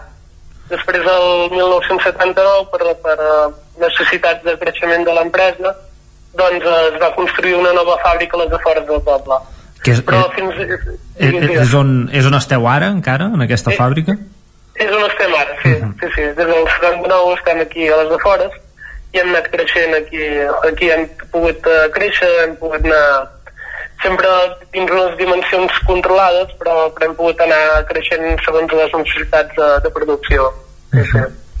i entrant una mica en conèixer la vostra manera de treballar um, com, com elaboreu aquesta pasta ens, uh, ens parlaves de que vau començar amb, amb la farina que us portaven la gent de, de, la, de la zona ara uh, quins productes d'on traieu la farina i els productes per fer la, les diferents pastes? Well, ara principalment elaborem uh, pasta de, de blat dur que és la, la, la pasta que queda consistent al dente i perquè quedi consistent la, la pasta ser de blat dur, que vol dir que té una proteïna superior a la, a la farina que, uh -huh. a la farina que es fa al pa, per exemple. I el blat dur aquí a Catalunya malauradament gairebé no se'n produeix. Aquí no, no, no, hi ha, no hi ha cultiu de blat dur. Allà on es cultiva més és Aragó i Andalusia, bàsicament. D'Aragó i, i Andalusia. Sí, és allà on ens arriba el, el blat dur que per clima és allà on és allà on es, es, es cultiva més aquest uh, cereal. Uh -huh. I, i bueno, la somolineria ens porta la sèmola ja preparada i nosaltres la convertim en pasta. I el procés de producció és, és molt senzill. L'únic que uh, s'ha de fer és uh, agafem la sèmola de blat dur uh -huh. i, i afegim aigua per fer la pasta, es, es pasta en una pastera, uh, per això rep aquest nom de pasta sí. i després l'extrusionem que li, vol dir que li fem una pressió una pressió a aquesta pasta i passa a través d'un moll allà on se li dona la forma i així ja tenim la pasta fresca i a partir d'aquí li fem un procés de secat uh, lent a baixa temperatura i obtenim el, els, els productes tot, tot aquest procés que ens has explicat eh, pels que no ens hem preguntat mai eh, com es fa la pasta que, que comprem i que mengem cada setmana eh, quan, sí. quan tardeu a fer el, el, quan tarda a fer-se tot aquest procés? Uh, tardem, el, el procés d'explicat és d'unes uh, 30 entre 24 i 30 hores més uh -huh. o menys Vale. I... Sí, és, uh, bueno, bàsicament és el nostre, el, la nostra diferenciació és, uh, el, el, el, l'eix diferencial és que és l'assecat, bàsicament, mm -hmm. perquè assecant, uh, assecant així lentament i baixa temperatura doncs obtenim, obtenim, obtenim un, un producte que d'una textura que quan la cous a la pasta notes el gust de la pasta. Mm -hmm. Només posant un raig d'oli pràcticament eh, eh, pots assaborir una pasta. Això no, no, es pot fer, no es pot fer en totes. O sigui, llavors, o sigui, entenc que una pasta més, amb un procés més industrial i més ràpid eh, mm. eh, es fa més ràpid i té, un, evidentment, un, un gust més... no es nota tant el gust, diguem-ne. No, no, no, no assaboreixes tant el gust del, del blat. O sigui, mm -hmm. òbviament, òbviament és, és bona, però, però no, no pots... Eh, necessites una salsa de seguida. Uh -huh. uh, no, quedaria molt insípida si no, si no afegissis una salsa. Nosaltres el, en el procés de, de secat uh, uh, a baixa temperatura lentament doncs pots aconseguir que, que la pasta tingui gust. Quan menges aquesta pasta dius, ostres, noto el, el gust del blat. Uh -huh. és, el, és el, el nostre cavall de, de batalla, com si és el nostre punt diferencial. I, sí, sí i entre la vostra línia de, de producció teniu a, algun producte que sigui ecològic o que estigui certificat o, o, sem, o simplement és aquesta manera tradicional de fer-la el, els, els diferents productes i treballeu tots iguals amb, amb ell? Uh, bueno, tenim una línia de producció convencional i una altra línia de producció ecològica i mm. cada, cada vegada més la producció ecològica va, va augmentant Sí, perquè no. cada, cada cop més el, el, el consumidor final eh, valora més el producte ecològic i sobretot de proximitat uh -huh. i estem en, en, en, aquest, en aquest camí bàsicament i, i de, entrant en la, en la forma um, quina, què produïu més diguéssim pasta per, per sopa pasta d'espaguetis, macarrons o, o produïu tot o, i quina, quina se'n ven més uh, per, per vosaltres, quina té més èxit Uh, aquí, aquí a Catalunya són molt clàssics. Aquí el que es vet més en diferència són els macarrons, espaguetis, fideus. Uh -huh. Aquests tres són els, els reis, com que diguéssim. Va. I tot i que fabriquem moltíssimes especialitats, uh, aquests sempre han sigut els que s'han venut més. En canvi, tenen així a, a Itàlia, a Itàlia uh, proven molt més, uh, moltes més varietats, agraden més uh, uh, varietats diferents. Aquí som, som molt, en aquest aspecte som molt clàssics. Uh -huh malgrat, malgrat tenim molta cultura de pasta aquí a Catalunya, eh? vull dir que, que tenim moltíssims anys de, de, de cultura de pasta. Justament eh, aquí som Mhm. De, de, de la, la zona de, de l'estat que, que més, que més, uh, que més cultura de pasta hi ha, perquè ja et dic, a altres zones pràcticament no, no n'hi ha eh, tanta. A finals, no, a fi- a finals del segle XIX, com, com et dic, que no en sabien gaire ni, ni què era la, la pasta. La, la, la, produ- la producció de pasta, em refereixo. L'únic és, que, l'únic és que som tradicionals, no? Diguem-ne que estem Sí. fixats en, en tres tipus, di- més o menys, i, i que són els tres que, que consumim. Sí, són els que, que tenen més èxit, sí, sí, sí. I, i ara comentaves això de Catalunya, vosaltres veneu a, a fora, a, a, veneu pasta en altres països, a altres zones de- d'Espanya, de, o, o és la vostra, el vostre mercat és uh, principalment Catalunya? principalment venem aquí a Catalunya, però, però després a, a, a Espanya ve- venem a, a través de distribuïdors en altres marques Uh -huh. i després també venem a Portugal i França, bàsicament. Uh -huh. Molt bé, bueno, queden els països fronterers i, i aquí a Catalunya. exacte. Sí, el, els tres països fronterers. Sí, sí. I en, ens parlaves que, que aneu traient algunes línies diferents de marques. Eh, teniu alguna novetat eh, que, que hagueu tret recentment al mercat? Uh, bueno, últimament uh, anem, anem innovant cada vegada més. Uh, anem traient, per exemple, hem tret últimament pasta, una pasta amb algues per, un altre, per algun distribuïdor. Tenim, tenim pastes, uh, inclús fem pasta de, de llegums, fem, sempre anem, anem, anem traient noves novetats, però sempre són uh, els, els distribuïdors pels que treballem ens proposen eh, doncs podria ser eh, la pasta amb gust de tal, doncs va, vinga, provem-ho. I com que tenim una producció una producció petita, doncs eh, les màquines ens permeten fer, fer proves, fer, bueno, anar innovant cada dia. En canvi, a màquines més grans no, no podríem eh, no, no, podríem innovar tant, com que diguéssim. L'avantatge és ser petit, també. Uh -huh. en, doncs ens n'alegrem que, que també la gent estigui tornant a, a comprar pasta també de proximitat. Per acabar, Jordi, et volia fer una, una pregunta. Um, ens pots recomanar o, o dir-nos quin és el, el plat de pasta que, que a tu t'agrada més per, per obrir una mica de, de boca per, per anar a dinar? Va, la, jo, parlant de la que són molt clàssics, jo sóc el primer que sóc molt clàssic, o sigui, jo dono uns macarrons de tota la vida i, i disfruto moltíssim. I fins aquí el territori sostenible d'avui. Gràcies, Jordi, per una edició més del Territori Sostenible. Nosaltres el que fem és una petita pausa al Territori 17 i ja tornem amb les pilotes i la resta de continguts del dia. 9 FM, la ràdio de casa, al 92.8. Si tens pensat canviar la caldera o posar aire condicionat, posa't en mans de Pradell. Tenen les millors ofertes. Pradell instal·la calderes de biomassa, calderes de condensació, aire condicionat tant per a particulars com per a empreses. Apunta, Pradell, Avinguda Països Catalans, número 27 de Vic. Telèfon 93 885 11 97. Repetim, 93 885 11 97. Davant l'escassetat hídrica, fem un consum responsable de l'aigua, perquè cada gota que estalviem serà una gota més per al planeta. No et quedis sec. Tanca l'aixeta. Akbar amb tu.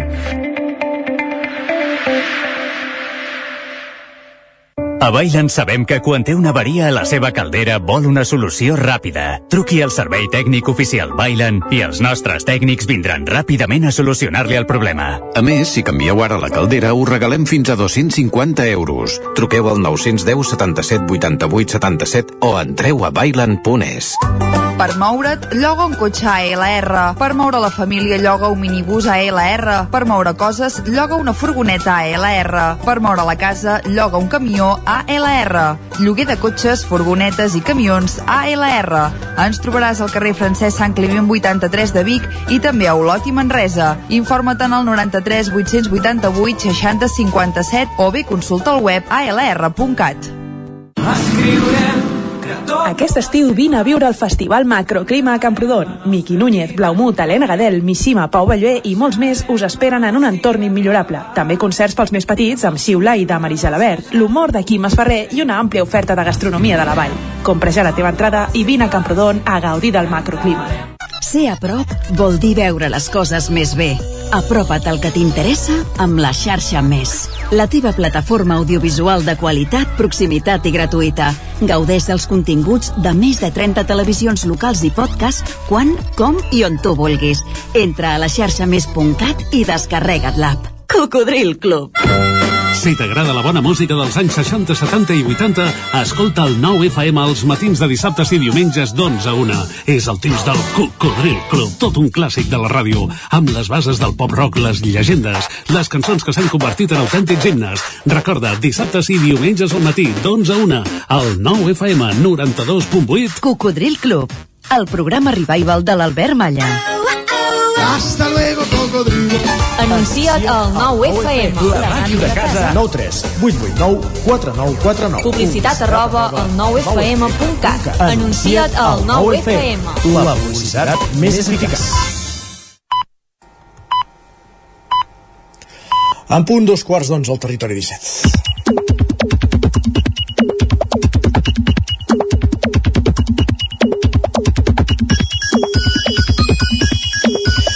Moment de piolades, moment de dinsar-nos al món de Twitter, al territori 17, i avui en companyia de la Natàlia Peix. Benvinguda, bon dia. Hola, bon dia. Avui no podem felicitar en Guillem Sánchez, perquè no el tenim aquí en persona, però ens, és que dilluns ens va dir que, que ningú se'n recorda que l'endemà de Sant Joan és Sant Guillem, i l'estem felicitant cada dia. Demà ja en tornareu a tenir l'oportunitat. Perfecte. Uh, Doncs- També et felicitem a tu, Natàlia. Gràcies. Sí, bon dia.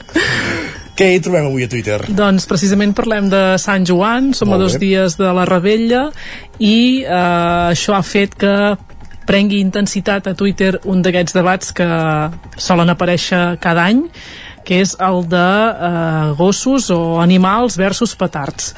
Eh, I llegirem al- algunes piulades en aquest sentit. Per exemple, l'Adrià, aquests dies comença a veure animalistes criticant la rebella de Sant Joan per l'impacte dels, dels petards a gats i gossos i tota la fauna salvatge autòctona ja castigada per la contaminació, destrucció d'hàbitat, espècies invasores. En Bernat no recordava la intensitat dels antipetards quan s'acosta Sant Joan. També en relació a aquest tema, en Phil Bastard diu tot això de les alcaldies és només una maniobra de despiste perquè no parlem del que realment és important, el debat gossos versus petards. Carai. Més enllà d'aquest debat, eh, aquests dies és notícia que han aparegut uns nous petards suposadament de baixa sonoritat. Caram. En Gil ens exposa la seva opinió al respecte i diu la gràcia dels petards és el soroll, no? Si no t'agrada el soroll, no en tiris i punt. A mi no m'agrada i no en tiro. Per tant, un altre debat que s'afegeix a aquests que ja teníem Exacte. en la rebella de Sant Joan. N'hi afegim un tercer, el de la coca. Si la coca ha de ser eh, de pinyons, de crema o de fruita confitada.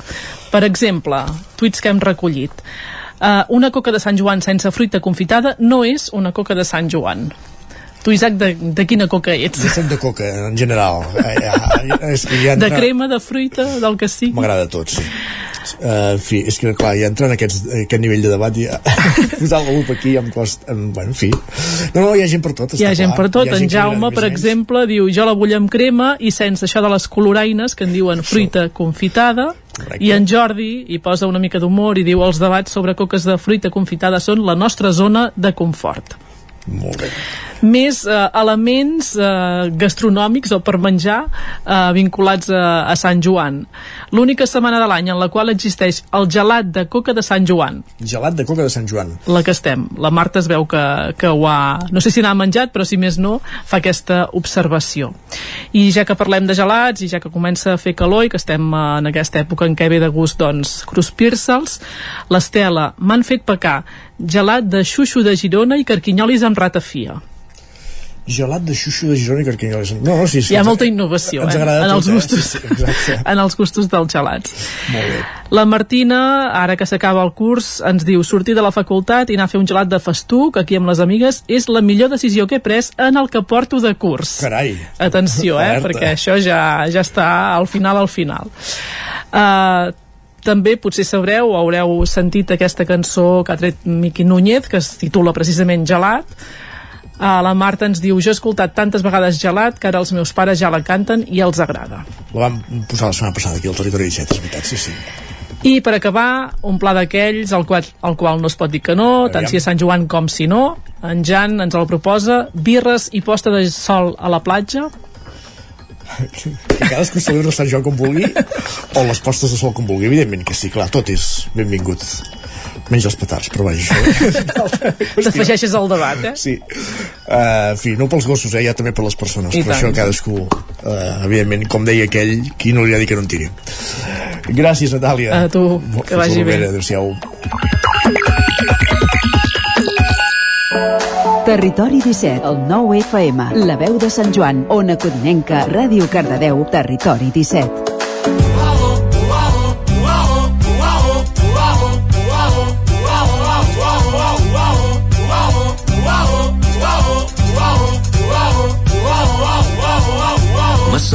Paraules, agulla, fil de cosi, tisores, estufa, me sobren paraules. Parlem de paraules al Territori 17, com fem cada 15 dies amb la Cristina Enfruns, a qui li donem la benvinguda ja. Bon dia, benvinguda una setmana més. Bon dia, Cristina.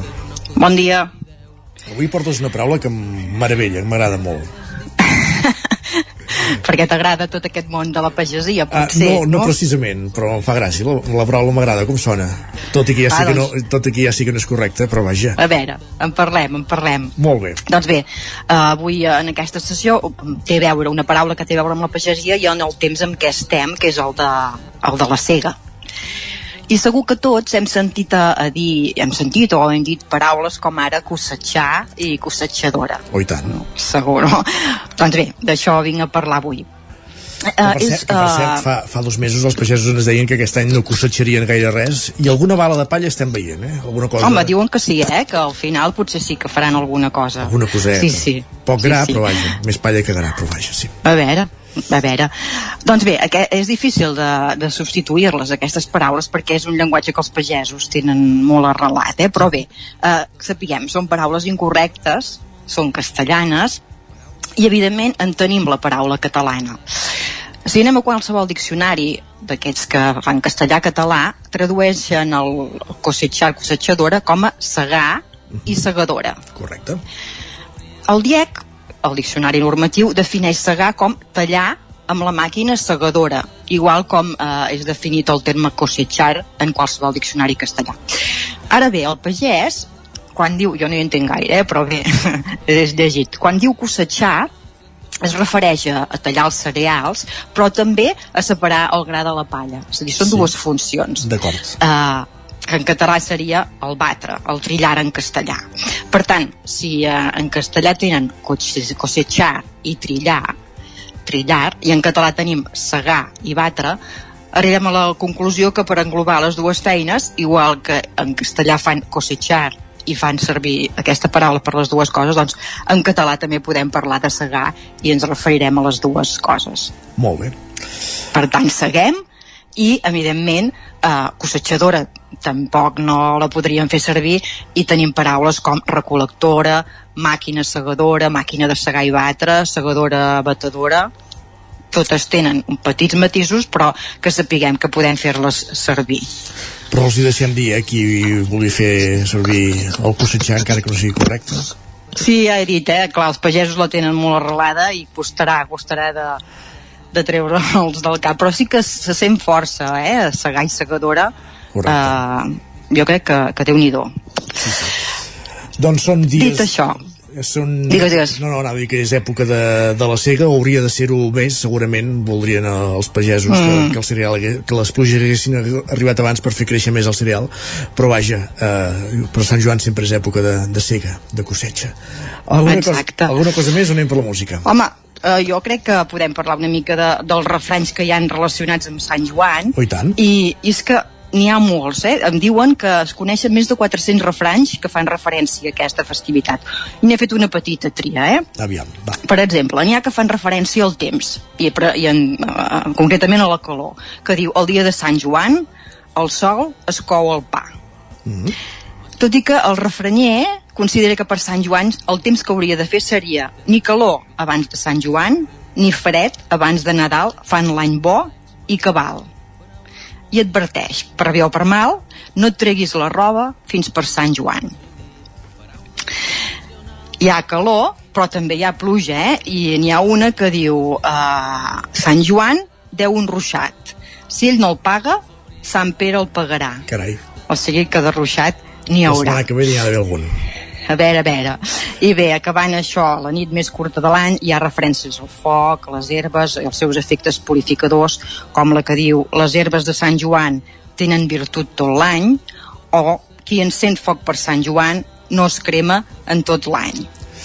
Molt bé. I acabo amb un consell, Ja. que per si us pot servir eh, els que podeu marxar de cap de setmana, que diu qui es banya per Sant Joan, salut per tot l'any. Doncs va. Per tant- Ja ho sabeu di, dissabte, cap a la platja. Cap a la O platja. cap al riu, cap a la piscina. M'ha fet gràcia aquell que deies que no ens, llevem, no ens traiem encara la roba per, per Sant Joan. Sí. Clar, és evident que la temperatura ha anat pujant eh, al llarg dels anys des que algú va fer aquest refrany fins ara. Exacte, sí, sí. El canvi climàtic s'ha notat, eh? Exacte. És ben veritat, sí, sí. Ara sí que hi posem música, eh? Va, ara sí.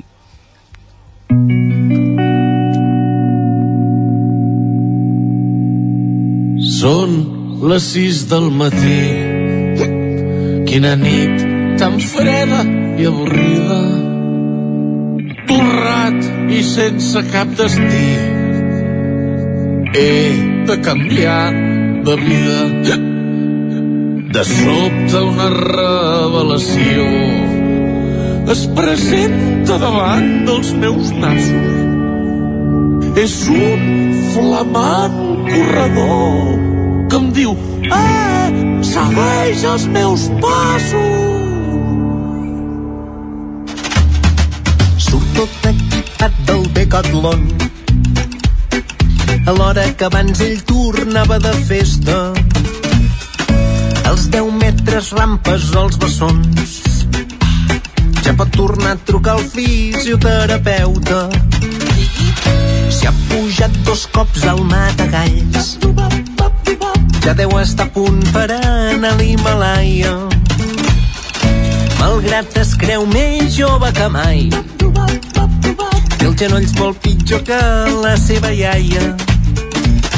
Al límit del poses tu. Són els uh, Arribar i ploure, que ens porten aquesta cançó Run Run Runner, que no sé si tornant-ho a lligar amb Sant Joan Cristina, algú cantarà la, la matinada de dissabte també.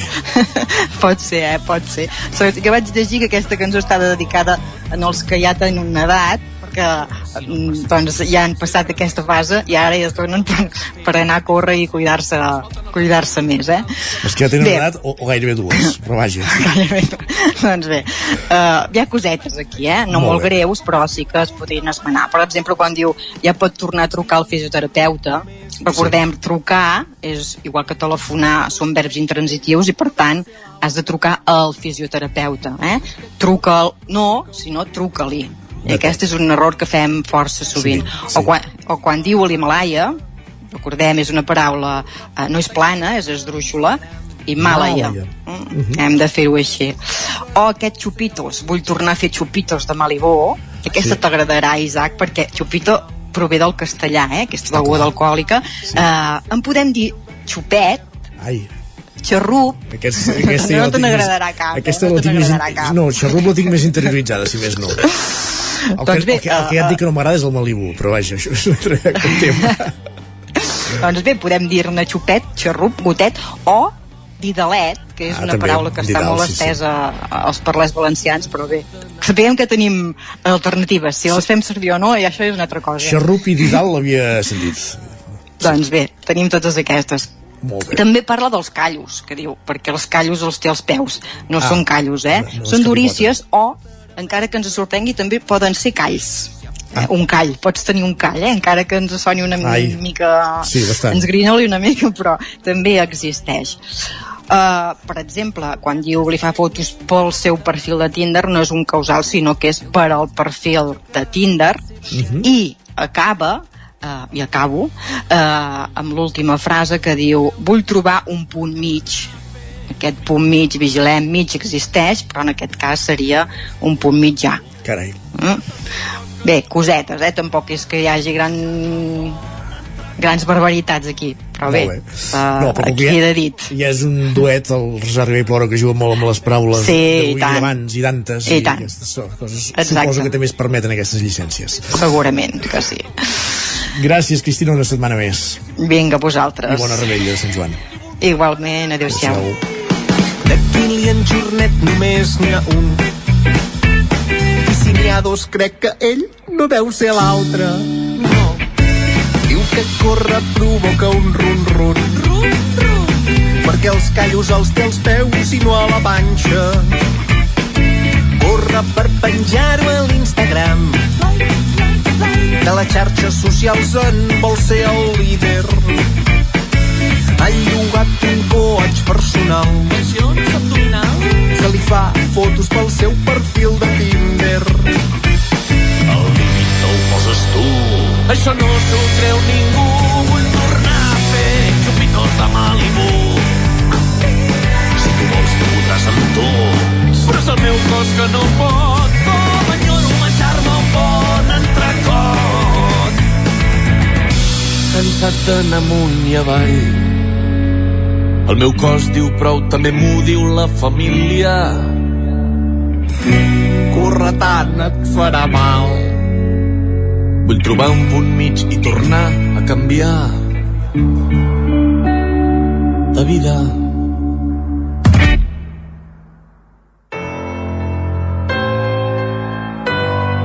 Territori, Territori 17. 17. Territori 17.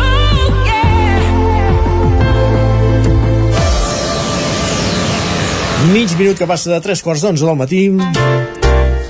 Temps pel Lletra Ferits, l'espai que dediquem cada setmana al món dels llibres i que avui ens trasllada fins a una codinenca, on descobrim el primer llibre que ha publicat el codinenc Manuel Sánchez Cano, titulat Espíritus fuertes y corazones generosos, que reviu la infantesa en un humil poble d'Almeria i relata com va arribar a viure a Sant Feliu.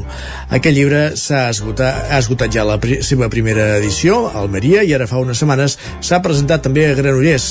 Conversant amb en Manuel Sánchez Cano i tenim una setmana més en Roger Rams. Roger, benvingut, un dia més, bon dia. Bon dia, sí, avui efectivament conversem amb el codinenc Manuel Sánchez Cano amb el seu llibre titulat Espíritus fuertes i corazones generosos. Explica'ns una miqueta eh, de què va aquest llibre i, i què, i què s'hi ha volgut explicar. Doncs, doncs mira, aquest llibre, eh, Espíritus fuertes i corazones generosos, eh, va sorgir així una mica com per casualitat. Eh, és dir, eh, amb, un, amb unes activitats d'escriptura, de, eh, vaig començar a escriure eh, bueno, petits relats, petits relats relacionats amb, amb la vida d'infant i, i vist des del punt de vista de l'infant. I aleshores, doncs, mm, vaig veure que eh, si els relligava tots junts, més que explicar doncs, una, una successió d'anècdotes i de fets i tot això, doncs el que venien a explicar era la manera de ser i la manera de viure, la filosofia de, de, del poble i tot això i tal, dels anys, dels anys 50. I ja ha passat uns quants anys, eh? ja ha passat uns quants anys. Però mm, resulta doncs, que eh, aleshores doncs, mm, tot això doncs, m'ha donat la sensació doncs, de, primer de, de trobar-me amb, aquell, amb aquell nen de, de, de 7 o 8 anys, eh? Les, les aventures, les, eh, les anècdotes, les entremediatures, les coses que es fan així de petit i tal, però també eh, doncs de, de, de la manera doncs, de, de, de la filosofia de, de la vida que hi havia en aquell moment, del que es pensava de l'educació, de del que es pensava de la vida, dels tòpics de, de, de, de, de la vida de poble, i, i mira, bueno, i llavors això tot, tot relligat ha donat el, el sentit a aquest llibre. Mm -hmm. Per tant... Volíem posar algun, algun altre títol, però doncs l'editor em va aconsellar això d'esperits de, forts eh, eh, i, i cors generosos, no? perquè ve a ser com una mena d'homenatge, eh? d'homenatge doncs, a les persones que, que m'han portat cap endavant. Mm -hmm. Per tant, aquesta, aquesta obra podríem dir que és una mica autobiogràfica? Sí, sí, sí, sí, sí, sí, sí. Mm. Completament, completament. A veure, és autobiogràfica pel que fa doncs, al, al personatge, al protagonista. Mm -hmm. però eh, d'alguna manera jo penso que el protagonista també és, eh, és el meu poble, és el meu poble, eh, el poble natal, eh, i la vida d'aquells d'aquells moments.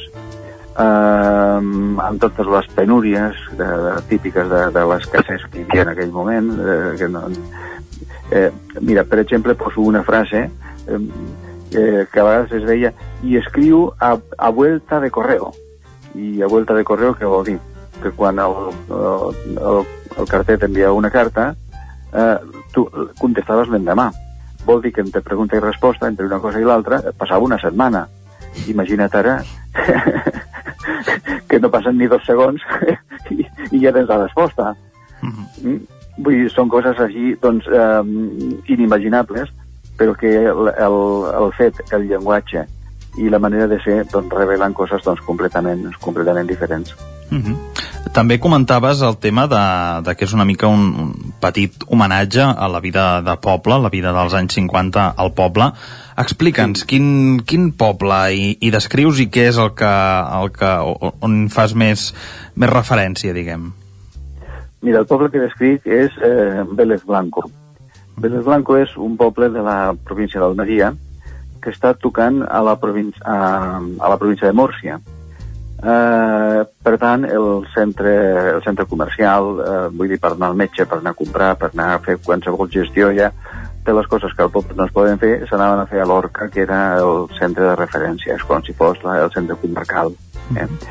Eh, aleshores, doncs, mm, parlo cap als anys 50, doncs és, era una època doncs, d'una forta immigració, perquè eh, les condicions del poble doncs, eren doncs, molt dures, i aleshores doncs, molta gent, molta gent eh, va, va decidir doncs, emigrar, emigrar cap a altres indrets que ofereixen doncs, una mica més de prosperitat.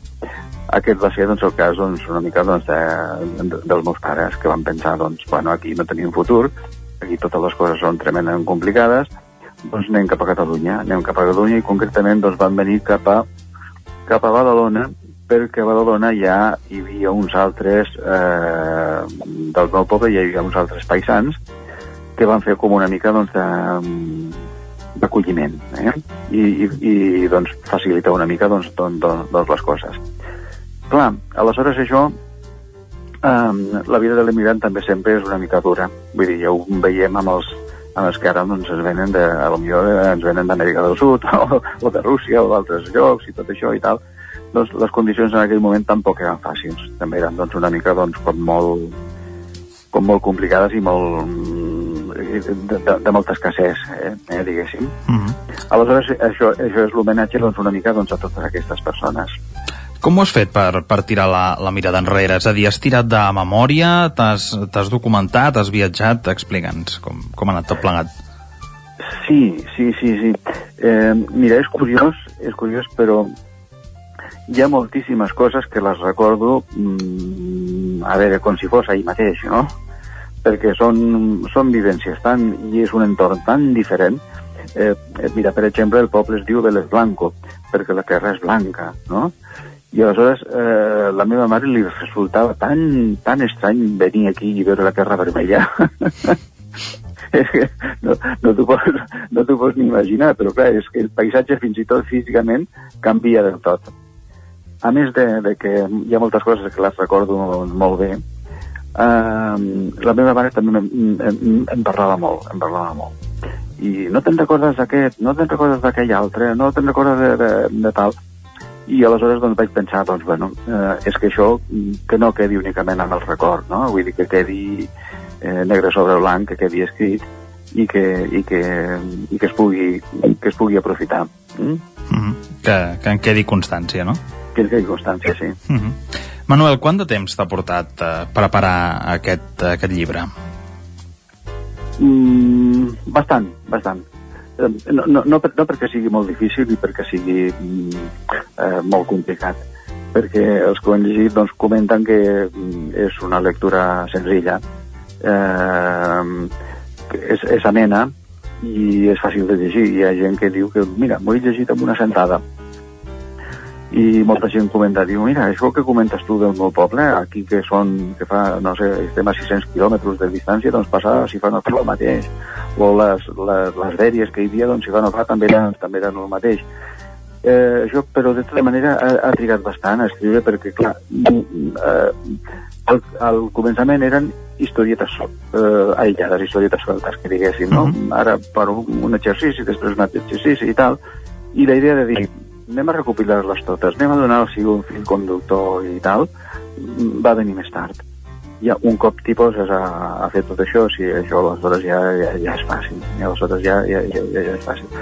Però diguéssim, al principi, com que, bueno, es anava un escrit darrere un altre escrit, darrere un altre escrit, doncs, sense, sense més intenció que escriure'ls, que, que tenir que rememorar les coses, doncs, eh, bueno, això és el que, el que li ha donat una mica més de, de, de demora.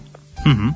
uh, creus que aquest llibre es pot convertir també en, en un petit referent per la gent que, que hagi viscut la mateixa situació? Um, home, sí, sí, sí. jo eh, és que no, no m'ho podia imaginar, però mm, uh, al cap de...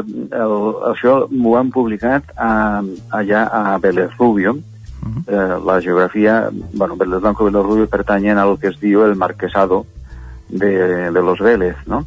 que ja doncs, bueno, to, és tota una, tota una comarca, el Blanco los Rubio, Chiribel, el Box, el Box eh, Maria, eh, bueno, i algun altre poble que igual, eh, que igual encara en deixo.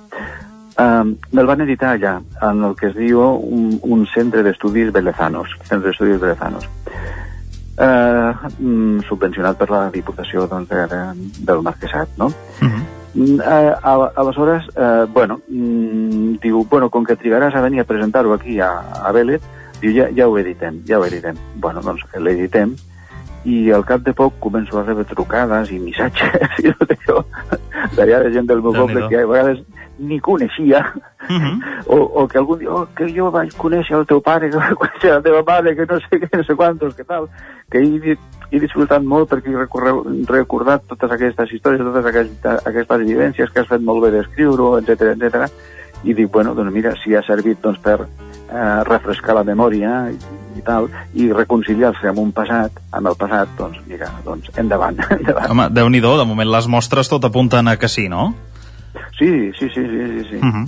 Ja dic, jo grat, gratament sorprès, gratament sorprès d'això, eh? De gent que no coneixia i que m'envia altres escrits o que m'envia altres coses i diu, mira, tu deies això, però nosaltres dèiem d'aquesta manera i tal. Dic, bueno, doncs vinga, doncs, doncs endavant. Uh -huh. uh, Manuel, uh, per tant, aquest llibre no l'has anat a presentar encara allà? Mm, doncs no. el, presento, el presento abans aquí i ara a veure quan tinguem ocasió doncs eh, el presentarem allà. Però ja escolta, ja s'ha esgotat la primera edició. Home, doncs enhorabona perquè ara t'anava a preguntar que, que on es pot trobar aquest llibre per tots aquella gent que ens estigui escoltant doncs on, on el poden trobar Bueno, de moment, de moment eh, s'haurien de posar en contacte amb mi perquè això, clar, és que això, aquesta és, és una editorial petita que és per, eh, pels estudis belezanos i tal, i aleshores doncs més aviat eh, clar, si escrius a l'Ajuntament de Belorrubio sí que igual, sí. però ara, ara ja no en queden eh? vull dir, està en marxa la segona eh, corregida i augmentada Déu-n'hi-do déu nhi corregida i augmentada perquè amb, hi ha molta gent que m'ha dit mm, doncs mira, jo me'n recordo d'això i tal i, i m'ha afegit detalls m'han anat venint més coses a la memòria i aleshores doncs, bueno, la, la segona edició sortirà amb, amb, més, amb més historietes i, i, més, i més terminologia. Mhm, -huh. Amb l'objectiu no? d'ampliar una mica aquest, uh, aquest record col·lectiu. Sí, sí, aquesta visió, sí, sí, sí. Perfecte, doncs Manuel Sánchez, uh, avui hem parlat de Espíritus fuertes i corazones generosos, aquest llibre que has presentat aquest mes de juny, que presentes aquest mes de juny aquí a Granollers i que ben aviat doncs, ho faràs a, a Vélez Blanco. Uh, Manuel, moltes gràcies per, per explicar-nos una mica uh, les entranyes d'aquesta obra i, i per passar pels micròfons d'una codinenca. Doncs moltes gràcies a vosaltres i a reveure. Gràcies a tu també, Roger, un dia més per una nova edició del Lletra Ferits. Amb ell acabem el territori 17 d'aquest dimecres, 21 de juny de 2023.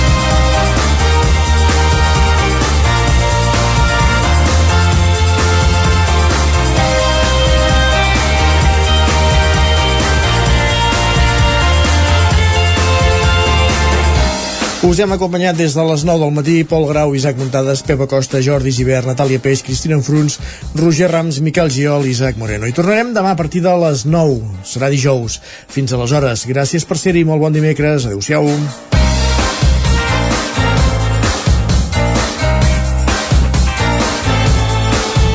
Territori 17, un magazín del nou FM. La veu de Sant Joan, Ona Codinenca i Ràdio Cardedeu amb el suport de la xarxa.